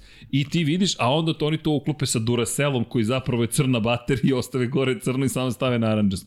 Dovitljivost ljudska, meni je to prelepo, zašto se toliko divim kada Adrian Newey nešto uradi. Zanima me šta je video što niko drugi nije video. I kad genije to vidi, onda postane svima očigledno, a, to je očigledno. Mm, Mogu sam i ja to. Mogu da. sam ja to. Pa, Pa ja sam, ja sam toga setio. Da, da, sad sam se setio kad mi on rekao. Da. I to je mnogo dobro. Tako da to, apropo, hvala Muhamedu na, na, na, na, Da, da. na prosto pomoć i, i hvala svima vama. Pa svima, da. Ali- Pa to je jedno, jedan od, ono, i da se zahvalimo svima za... Apsolutno, za svu podršku i Poželimo svima lepe praznike i da zajednica budi veća ove godine. Da. Mazite se i pazite se, što bi rekao Srđan. naravno treba da I hvala se... vam divni ljudi. A- Apsolutno. I evo, da, danas, kada snimamo, ne emitujemo, bilo je neverovatna scena, utrčava čovek, kupuje, kaže, sam stigao. E, pa, A mi, pa i da ste stigli tokom snimanja, mi bismo opet prekinuli snimanje. Pa ne, ja da sam mu poštujete rekao, ja sam mu rekao da dođe, da, pošto smo u cajtnu tu i čovjek je trčao. Što si mu rekao do tri? Pa zato što, zato što sam se da dogovarao, znao. zato što se dogovarao sa Dekim, ja znam Deki dolazi na vreme. Ali, ali bilo je nevjerojatno, čovjek je dotrčao, jel, nije kasno, nova godine. Ma nije kasno nikada. Za, za, za, za- uvek ćemo da završimo stvari. Nikad nije kasno. pa je raspoložen definitivno. Vidimo da si se ti lepo proveo. Da, lepo se se lepo si se proveo. Jeste. Ele, Mexico City, Kako ste tamo se... predano lepo i ne glumim Paju Ercega sada, pa naravno da se, E, da. se lepo osjećam. Da, da, da, da, da. Ali morate priznati da bih volao jednom da prisustvujem o, ko, njegovom komentaru. Ja, ja se bojim da bi ljudi shvatili šta znači old school pogled na život. Ovaj nema pojma. Komentar. A normalno, to je, mi smo prošli tu uredničku školu. Ništa ti ovo ne velja. Baci Naravno. to. ovo. Ba, baci to, ovaj, nećeš ti nikad dečko uspeti. Ali, e, kada je reč o Mexico City-u, da je prijatna, neprijatna iznenađenja. Mexico City zanimljiva trka, mislim da je bila fenomenalna iz nekoliko razloga. Prva stvar, onaj tempo koji smo analizirali zapravo dve nedelje posle te trke koji ima Max Verstappen u momentu kada ti ideš na jedno stajanje, a svi smo očekivali dva i ti si najbolje pripremljen tim koji je odradio dovoljno dobar test yes. da zna. Ne, ne, ne tvrde gume, srednje tvrde gume i imaš ovako, isti krug, isti krug, isti krug, isti krug, isti krug i time završavaš posao, a čuvaš gume za kraj da ne moraš da ih menjaš. I Charles Leclerc Ferrari i pre svega rekao bih Mercedes koji je pogrešio, koji je očekivao nešto potpuno, drugo Da, je da, Lewis Hamilton i George temu, Russell Oni su bar promašili temu. koji su konstatovali Ali ja sam, tako. ja sam recimo kroz prenos opet, znaš kako, ja sam po, podržavao negde timove koji su išli drugačijom strategijom u Red Bulla. Jer sam negde uh, verujući da, da je to jedini način da pobediš. Međutim, problem je u cijeloj priči što je Red Bull uvek birao najbolju strategiju. I ništa se vanredno nije desilo. Nik, I ništa se vanredno nije dogodilo. A, a oni su uvijek birali najbolju strategiju. E, to je bio problem cele sezone, čak i kada možda vozači nisu bili toliko dominantni, da je Red Da, uvijek ekipa birao ih najbolju. izvlačila i uvek vadila ih- im je te desetinke. Pa Tako, da, to je to. to, je I to. da ne zaboravimo, to ne smemo da zaboravimo, jer Nikako. to se ne radi. Nikako. Dakle, a to je za Mađarsku, smo rekli prošli put koliko je zapravo izbor tvrde gume bio poražavajući za Ferrari. Ne znam da smo to istakli. Smo istakli? Jesmo, kako Jesmo. Nije spomenuli smo da, i da nisu baš nešto stigli. naučili mnogo. Ovaj, Pa da, Da, da, izgreš. ali tvrda guma. I sad ovde Mercedes pravi grešku i ti kako gledaš, kao da li je moguće da će ti sada vi da pogrešite? Da, moguće je. Opet, Red Bull na ekstremno visokom nivou. Ekstremno visokom nivou i jednostavno u Mexico City kada pričamo o Sergio Perezu, prosto ona atmosfera koja je fenomenalna. Meni je ono, jedna od najlepših trka Pa za da, on je posjet. onaj stadionski deo, pogotovo kad prolaze bolidi. Da, iz ove perspektive, generalno i što se tiče publike i svega, ovaj, šteta je što nismo imali završnicu sezone i borbu za titulu na stazama kao što su Amerika, Meksiko i Brazil. Te tri trke su stvarno pokazale da bi u nekoj nekom razvoju Da, da, situacije da, bravo. da se U borilo za titulu, da, da, drugačije. spektakl bismo imali sigurno. Pa to je i 2021. potvrdila Po- kada da, pogledaš. da, najavila je. Najavila, ovo je da, sad, to ovo je ovo je sad potvrda. bila Pa potvrda. imaš da. Fetelu Da, u da. titulu u Znači da Brazilu. ti bukvalno, recimo, bukvalno na, na te tri staze Drama. moraš savršen da budeš. Apsolutno ni jednu grešku. To ne si da lepo rekao. Ti, Meksiko, lako se greši, koliko Da, puta da. su se išli i Sainz i Leclerc, mali silazak sa staze, visoka cena. Mnogo vremena. Tako je, mnogo vremena. To je strategija, ti si na 2200 Amerika metara visine. znači moraš perfektan, znači ne smeš bez dela krilca da ostaneš, gotov si. Mm. Ovaj, Da. da. Tako da, i Brazil, Brazil koji- Da, Brazil, Interlagos, Brazil, Interlagos, nema šta. Vidi, to, to ali je. ako negde format sprinta postojao da se primjeri, to je onda Brazil. Jeste, jeste. Apsolutno, ali kako Jeste. je tamo legao sprint, pa to je kao da je rođen za, za, za Interlagos i baš se radujem što, što, što ćemo imati ponovo sprint, potvrđeno da će sprint biti u 2023. i još jedan u Brazilu. Što je negde bila i želja, to je Lewis Hamilton rekao, možda je tamo gde se lako preteče point staviti bra, A dobro, sprint to trku. pravo je Luis, kroz to smo konstatovali. I to je lep taj napredak, ali u Mexico City to bih istakao, kažem, Verstappen, neverovatan tempo, pripremljenost Red Bulla, zatim grešku Mercedesa i naravno Čehu i, i ta cijela atmosfera koja je zadivljajuća, drugačije nekako, odeš u Mexico City, baš je uzbudljivo, baš i da, četvrtu stvar, znao sam da sam imaš nešto. Muzika, tematska muzika Formula 1 u izvođenju marijače. Kako je ono lepo zvučalo. Meni možda i najlepše izvođenje cijele melodije u nekom novom ruhu, jer sećam se kad smo prvi put pridobili muziku. Čekaj, prva promena vam je muzika. Dobro vam je promena, ej čekaj, povlačim reč, kao izvini Niko. Navikne suvo, navikne suvo. I, ali sad je i više od toga. Sada kada kreće ti znaš, ej, ide drama, nešto stiže, znaju šta rade. Po tom Samo da ne bude veštačka drama. Ma, Crki, čim je dobro trkanje, ne smeta ništa, može da bude šta god može da svira, Tako je. sve u redu. Mogu ja? Možeš i ti, naravno. E, to sam vas čekao. Ako sledeće godine bude uzbudljivo, ja sviram svaki dobra put. trka, sviraj šta hoćeš. Vežbat ćemo, vežbat ćemo da vas uho ne boli. A, Brazil. Odo smo mi u Brazil. Inače, malo smo stali sa analizom toga šta radi Max Verstappen jer se podrazumeva. Amerika, Pa Pa posvetili ne, smo. titula je osvojena, ne šta. sad mislim. vremena smo prišli Ne, ne, Max Verstappen. samo, samo nešto drugo. Koliko je to, to je to, to je, ti to zapišeš samo, pobeda i onda pričaš o svemu ostalom. I to je to. Ali u Brazilu to nije bio slučaj. Posle Singapura dolazi trka u kojoj Max nije na prvoj poziciji. I ne samo što nije na prvoj poziciji, nego ti deluje kao čovjek koji Da, kao da je zapravo otišao, kao da je otišao odmor. prvi put u tokom sezone No, nije nešto, nije, to nije. taj Max. Otiš u tazbinu. Da, da.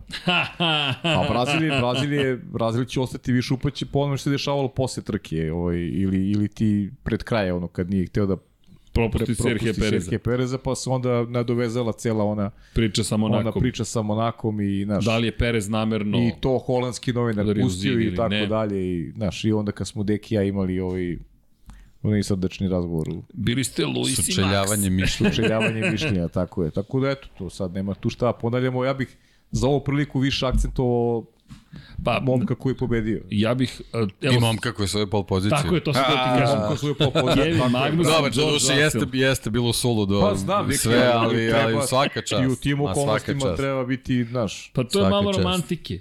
Zar to nije divno, čekaj, Kevin deki, Magnussen? pričamo, to je Q3 deo kvalifikacije. Da, da, On sve, je sam, prvi izašao Sam ulazak u Q3 Tako je je, već bio rezultat je. top. Da. tako je. Ali Kevin je. Magnussen kao kruna cele godine, čovek koji je kao rezervista stigao, i onda dolazi u situaciju da, zahvaljujući preciznosti i hrabrosti i pravom tajmingu, što njega, što ekipe, prvi izađe na stazu koja, E, koja je sve e važnija. upravo Kevin Magnus je jedan od razloga, ne direktno on, e, zbog kojeg ja imam problem sa sprint kvalifikacijama. Da. E, Ok, to ubija, to onda ubija, uh, uh, ubija priliku momcima koji nisu iz te top kategorije. Jer on je već poništio sve što uradio u kvalifikacijama, poništeno je u sprint On je kvalifikacijama. bio osmi na sprint Pa, kvalifikacijama. mislim. A to je. Svoj jedan To je već neki, pa da to je kažeš, manje više svome. standardni rezultat. Pa tu je, da. tu je na svome već. Da. Ali nije dobio tu prednost koju je Pa zaslužio je, u krajnjem slučaju, Koji je prekinuli su kvalifikacije, On on je to, on je to uradio, prednost. on je to ostvario. Međutim, sve u sprintu, sve mu je sprintu oduzeto. I opet se, sprint kvalifikacijama samo se favorizuju ti bolji vozači, bolji timovi, Dobiju popravni. to bi popravni. Da. Mada I- to Maxu vidiš ovoga puta stvarno nije... Pa Ovaj, nije Max ovog nekako puta, su ali, lutali u, u, u svemu ali na mora toj kažem, trci. mislim, mora kada deki, ja, ja ih ne podnosim ih, stvarno. Ja upravo iz, ovog, iz ovih razloga ne podnosim pre kvalifikacije. Jer je to meni samo potvrda, Ja samo sam, ja favorizovanje. sam na početku dao svoj stav i zato, samo zato ih i zovem sprint da, kvalifikacije. Samo favorizovanje ovaj, boljih timova, boljih vozača, ništa više. A sada ćemo ih imati šest sledeće godine. Užas. Stvarno, katastrofa. Ko je, ko je svrha? Šta, šta da očekuje u sprint kvalifikacijama McLaren, recimo? Šta da očekuje Alpina? Ništa. Ništa ne mogu da očekuju. Ništa, samo povećanje prednosti za vodeće timove. Samo, še, samo tih šest trka, šest trkaček vikenda mogu da se povuku i da kažu nećemo, pravimo nikakvu strategiju vezanu za tu nedelju, mi nemamo šta tražimo te nedelje. Mi smo Zanimljivo. samo svedoci nečega što se zove borba za, za, za podijum. I ništa više. Da, u zavisnosti samo koje ekipe budu dobro pripremljene. Ti koji budu dobro pripremljeni, oni će u sprint kvalifikacijama moći da, da anuliraju sve ako pogreše eventualno tokom petka. Tako je. I to je to. Sve se svodi na to. Da konstatujemo trenutak radosti i inspiracije preko potreban Hasu koji u tom momentu još nije odlučio da li zadržava Mika Schumacher ili ili su odlučili ali mi to nismo znali i Kevin Magnussen kao baš najlepše iznenađenje, rekao, pogledamo, Lando Norris je čovek koji je stavio na pobedničkom postolju imali kao jedini koji nije iz Mercedesa, Ferrari i Red Bulla ove godine cele i Kevin Magnussen je jedini koji je Da, svoju evo vidiš, na primjer, na, na ovoj, otvorio sam na Wikipediji ovaj, Da. tabele, stoji da je u Brazilu na velikoj nagradi pol poziciju osvojio Kevin Magnussen. Da. Pa da. to su uveli ove godine kao promenu zato što si ti najbrže bio u kvalifikacijama. Pa da, samim Nisi tim je absurd ono što se dešava u subotu je potpuni absurd. Iriti, to je sprint trka. Ali ne smemo tako da je zovemo zato što su to sprint kvalifikacije. Nećemo je nikad zvati. A, da. Mi hoćemo MotoGP-u. Pa velike nagrade su velike nagrade i zna Tako se je. zašto je tako. I doći ćemo i tog objašnjenja zašto je tako. Tako je. Ali George Russell, sjajna vožnja od početka do Da, kraja. ako nema, da, tu nema Ma nema šta. da. Ništa. Nema, Baš nema. kapa dole. Bombona. Tako je. I Zna- svi smo nekako svi smo nekako tipovali da će Brazil biti Hamiltonova Tako trka je. zbog Jest. istorije i svega i ovo njegovo dobijanje državljanstva i šta god je bilo. Ne, počasno građe, ne znam šta Počasno je. građanje. Nije ni da. Bitno. Možda čak i državljanstvo. Državljanstvo. Nije ni bitno, ovaj, sve okej, Ali ali, to je to. ali, George je pokazao ovaj, stvarno da... Jeste, ali su pokazali Lewis Hamilton i Max Verstappen da će između njih dvojice rat biti nastavljen. Nisu pokazali, samo su potvrdili. Potvrdili, da, da, ne Nisu imali šta da pokazali. pokažu. Da. Dakle, 16.000 policajaca Max, virilo je George. pa ne, Max, Max dodatno nervozan iz nekog razloga tokom čitavog da, da, trkačkog baš vikenda. da, baš. Videlo se. Ovo, I Hamilton naravno koji je osetio da ima dobar bolid, to što pa je kaže oseti krv i, I kreće. to je to. Ne, On ne bi ulazio u te duele da je znao da je inferioran. Ma naravno. Jednostavno, zna se kad, kad Lewis Hamilton radi to što radi. Tako, Tako je. da I Max to je samo kaže- lepa najava za, za budućnost Formule 1. Jeste. Ali kažem, s druge strane, George Russell, sama vožnja, tempo, sve, plus komunikacija sa ekipom, to je to. To je ono što kompletan vozač treba da ima. I naravno, ali to konstatuje kontakt između Verstappena i Hamiltona, koji, rečima Maxa Verstappena, koji je rekao, mene baš briga. Ja sam znao da ja ne gubim ništa tim kontaktom, a on gubi pobedu. Pa nek bira šta hoće. Nema. A vraćamo se na početak sezone između njega i Charles Leclerca. Više prostora u tim duelima nekako ostaje. Da, nekako je, nekako je Max bio raspoložen za, za duele čitavog vikenda, možda ćemo nekim memoarima saznati zašto je to baš bilo tog vikenda, ali definitivno sve što je radio je mirisalo na konflikta, imao i sa klubskim kolegom, doduše ne fizički, nego verbalni i sa ekipom i sa Lewisom Hamiltonom, tako da nešto u tom Brazilu nije baš sve Ali- funkcionisalo, a nije ni na trkačkom planu što tiče Red Bulla, tako da svašta se tu dešavalo. Samim, samim tim i Sergio Perez je bio loš u trci. Jeste. U trci gde je trebao da, da bude mnogo bolje da bi se borio za tu vice šampionsku titulu. A sve se svelo na to da se očekuje da ga Max Verstappen propusti. Pritom nije imao priključak nikakav, što znači da oba bolida nisu trkački funkcionisala Ja, na tom vikendu. To je zanimljivo. 750 metara nadmorske visine, niže, niže međutim značajno u odnosu na Mexico City i opet kada je smanjen otpor vazduha, Mercedes dobro izgleda za Da, početak, da, da, da, Red Bull nešto nije dobro radi tog vikenda. Da, baš je Retko sve, greška. sve stramputica bila neka. I, i, I još jedna stvar u celoj toj priči, kome se sklonio međutim Max Verstappen, ne znam da li se sećate tog detalja, Carlosu Sainzu. Carlos Sainz koji se zaleteo kao crveni torpedo i rekao... To je trebao da radi u Kanadi. tako Za kasnije. Je, tako je, ta, tako je, deki, ali... Kasno se setio. Ali opet se setio, znaš, to Pa opet jeste, ali neku nadu daje. Ono što je meni zanimljivo, da li on otkrio kako se boriti protiv Maxa Verstappena? Da li ti kažeš, ok Max, idemo, hoćeš duel, taj kontaktni duel, evo ti kontakt. Znaš, jer ti sad dolaziš u situaciju da je Max samo tu popustio. Kada je neko bio rešen, idemo u kontakt, protiv Hamiltona rekao, baš me briga za kontakt. Ne bih ja to ovaj, tako.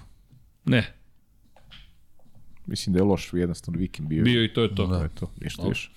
Vidjet ćemo 2023. Ali nije imao loš vikend zato u Abu Dhabi. To je završio posao, rekao bih. Jednostavno...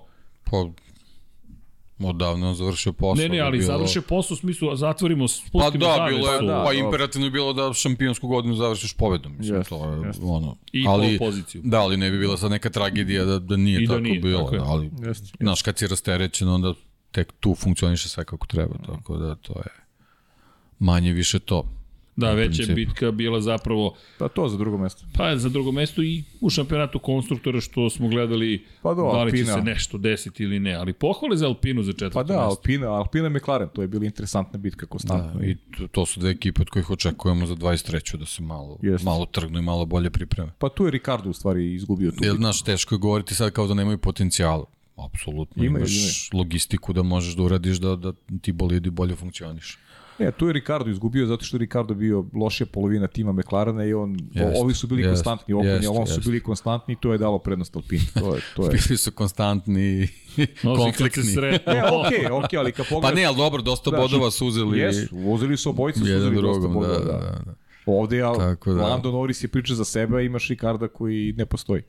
I još jedna stvar koja meni nije, možda, možda smo ispomenjali, ne, ne sećam se zaista, ali na poslednjoj trci sezone Lewis Hamilton ostao bez pete pozicije u šampionatu.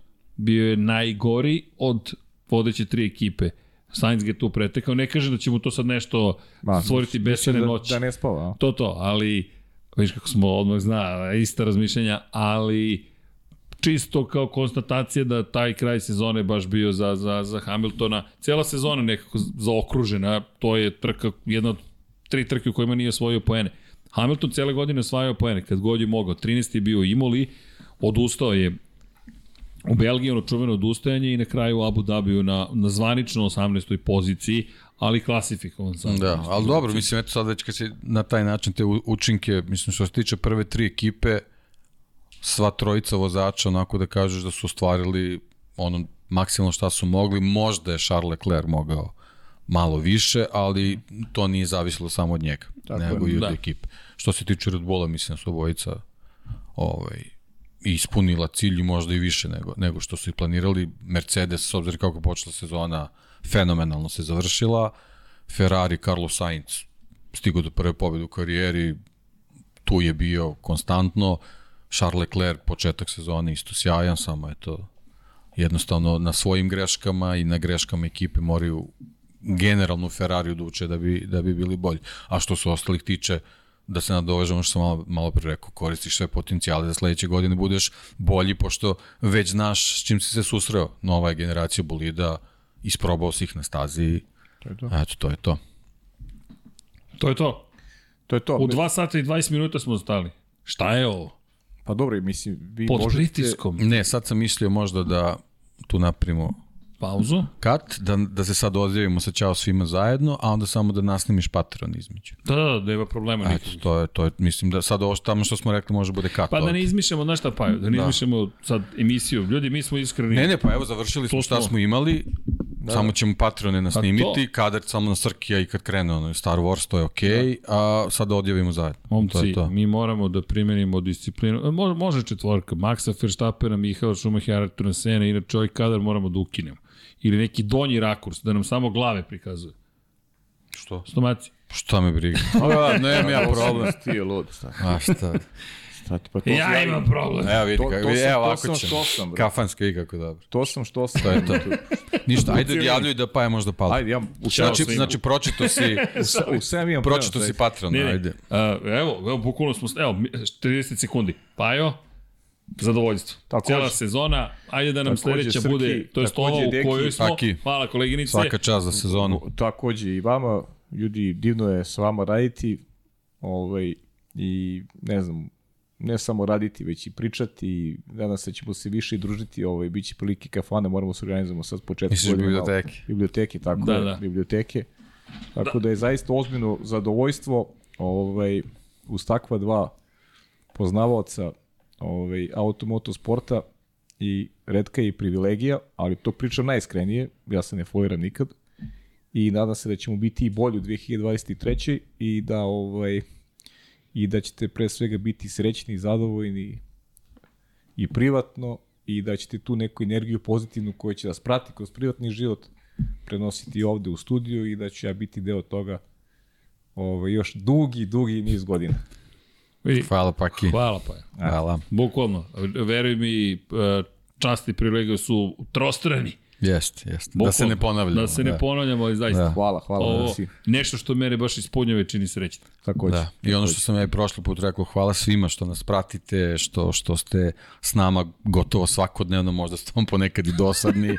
ovaj, ali eto, ovaj, svašta je nešto bilo osim ovih podcasta i, i, i izložbe fotografije, što je meni posebno zadovoljstvo zbog ljudi koji su bili s nama. Zahvaljujemo se i Andriju Sakoviću i Cveletu što su nam pomogli da to organizujemo i Metu Oxleyu i Henku Gulemansu koji su čak i bili ovde ovaj, i podržali Srđanovu ideju ovaj, oko izložbi vezano za, za uh, Metovu knjigu i Henkove Ma, mislim da fotografije.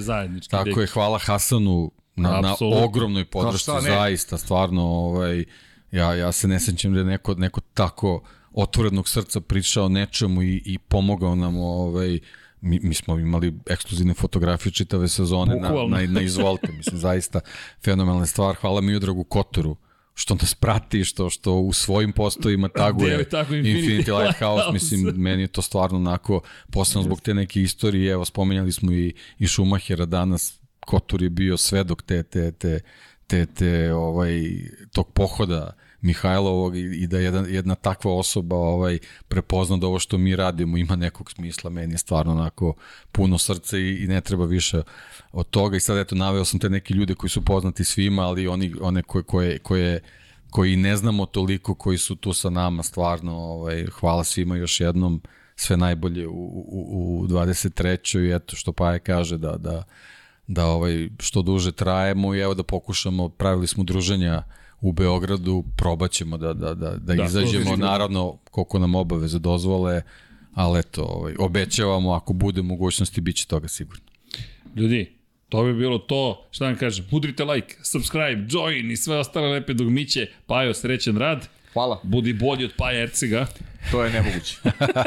to je nemoguće. Za e, rukomet. stvarno za rukomet Ne, ne, je... ne, ne, ne, ne, Ej, deki, i dan danas Ne ulazim u zvuče- tu utakmicu uopšte. Odmah, Znaš da i dalje ti kažem. gleda t- gde god može da nađe utakmicu. Pa dobro. Kada uhvati Dansku ligu ili Nemačku i A dobro, to su ozbiljne ligi. to jesu, to, To su baš ozbiljne ozbiljne lige. lige. Pa jo, srećen rad, Hvala srećni puno. praznici i ovi koji dolaze, srećna nova godina, srećna nova godina, srećna nova godina. Nadam se da ste se lepo proveli. Nadam se da ste se vi lepo proveli, a u naše ime, ajmo na 2023 da kažemo ćao svima. Ajde. Hoćemo. A, mo- to, četvorka, kolega. Koleginice, ve, Vanja, Ušla je u sistem. Ne moraš Vanja, se se, Ne vraćaj se. 2023. Ćao svima. A sada veliki pozdrav za naše patrone, slash pokrovitelje i YouTube članove, to jest svetioničare. Hvala vam puno ljudi. I krećemo Živojin Petković, Neđo Mališić, 352, Đučica Martinović, Salim Okanović, Matija Binoto, LJ Đurović, Danka, Mladen Tešić, Đorđe Milanović, Stefan Vuletić, Marko Kostić, Jelena Veljković, Aleksa Valter, Ivan Milatović, Dušan Delić, Luka Martinović, Vojn Kostić, Marin Antunović, Aleksa Lilić, Sead, Dorijan Kablar, Matej Sopta, Igor Jankovski, Nikola Milosavljević, Marko Kozlić, Šmele, Marko Petrakanović, Milan Apro, Branimir Rijevec, Nemanja, Jasmina Pešić, Matija Rajić, Zoran Cimeša, Danijela Ilić, Đole žena mi zna, Andrea Miladinović, Borislav Jovanović, Miloš Radosavljević LFC, Crnogorski džedaj, Grgo Živoljić, Vlada Ivanović, Jugoslav Krasnić, Andreja Branković, Nebojša Živanović, Ivan Rečević, Andrej Bicok, Veselin Vukićević, Dimitrije Mišić, Ivan Ciger, Safet Isljami, Ivan Panajotović, Boris Erceg, Džigi Bao, Branislav Kovačević, Depressed Cody Garbrandt fan, Aleksandar Jurić, Vladimir Filipović, Vladimir Petković, Đorđe Đukić, Pavle Nj, Miloš Todorov, Emir Mesić, Andrija Todorović, E. Prelić, Emir Alen Stojčić, Bojan Markov, Bahtjar Abdurmarov, Darko Rajković, Dejan Đokić, Ferenc Laslovi, Branko Bisački, Žarko Milić, Aleksandar Milosavljević, Igor Šparević, Vukašin Jekić, Branislav Marković, Igor Vučković, ovo mnogo teško, Aca Vizla, Dejan Vujović, Nemanja Zagorac, Aleksandar Antonović, pozdrav Srkija, Novak Tomić, Boris Kujundžić, Tijana Vidanović, Da žena ne sazna, Dušan Petrović, Lazar Pejović, Stefan Nedeljković, Alen Vuletić, Zoran Majdov, Nikola Stojanović, Jasenko Samarđić, Bojan Majstorović, Antonio Novak, Stefan Milošević, Miroslav Cvetić, Đorđe Bronkos, Ognje Marinković, Aleksandar, Nemanja Miloradović, Marina Mihajlović, Dušan Ristić, Miloš Vuletić, Luka Manitašević, Zorana Vidić, Marko Horg, Boris Golubar, Mirjana Živković, Josip Kovačić, Andrej Božo, Boris Gvozden, Nenad Simić, Petar Relić, Bojan Mijatović, Miljan Nešković, Borko Božunović, Marko Ćurčić, Mladen Antić, Kristijan Šestak, Stefan Vidić, Ivan, Žorž, Luka Savović, Jelena Mak, Goša 46, Kovačević Omjer, Monika Erceg, Nenad Đorđević, Nikola Božinović, Filip, Mihajlo Krgović, Đorđe Radojević, Predrag Simić, Ivan Simeunović, Anonimus Donatorus, Žo, Zoran Šalmun, Alekseja Vuče, Aleksej Vuče, pardon, Mario Vidović, Soltan Mezej, Stefan Vešnjak, Ivan Maksimović, Toni Rušić, Zbunilo me ovo prošli put, anonim osoba Marko Bogovac, Nikola Grujičić, Marko Mostarac, Mladen Krstić, opet anonim osoba, Stefan Dulić, Ivan Toškov, Sava Dugi, Jelena Jeremić, Koja 7, Almir Vuk, Igor Ilić, ovo su YouTube članovi Dinstero, Vuk, Đorđe Janić, MS Trtin, Drago Veković, Korespondent Korespondent, Kosta Berić, Ivan Mincetić, Bojan Kitarić, Igor Ninić, Milan Bačić, Dato Gaming, Jelena Mil Milumović, pardon, Ivan Hornjak, Aleksandar Nikolić, Aleksandar Kockar, Marko Bogavac, Niko, Nikor 24, Sejdo Mujčić, Aleksandar Toleador, DG Regi, R. Ruroš Ćosić, Marko Stojiljković, Nikola Vulović, možda sam vidim koliko još vremena ima, Nikola Božević, Ivana Vesković, Nemanja Bračko, Maksi, Mensur Kurtagić, Galeksić, Alen Jesenović, Uroš Čuturilo, Žarko Jovanović, Boča Pero, Vladan Đurić, Marakos ili Marakoš, Zlatko Marić, Aleks Vulović, Milan Knežević, Nemanja Cimbaljević, Bojan Pejković, Resničanin, Petar Relić, Bijelić, Kro Robi 00, Pavle Lukić još pola minuta, Milod Reljić, Saša Stefanović, Toni Soni 76, Nikola Niksi, Branko Rašević, Nikola Grđan, Miloš Tanimirović, Bakadu, Ivan Magdan Lenić, Ivan Ujasinović, Branislav Dević, Vukašin Vučenović, Almedin Ahmetović, Marina, Nemanja Miloradović, Miloš Z, LFC, Nikola Kojić, 10 sekundi, Vlada Ivanović, Oliver Nikolić, Jelena Jeremić, Anonimus, Donatorus, Nemanja, Bojan Markov. I Bojan Markov je bio poslednji, tačno sam ga u sekundi presekao, hvala vam ljudi još jednom. Eh, srećne praznike vam želi cela ekipa Infinity Lighthouse-a i svako dobro.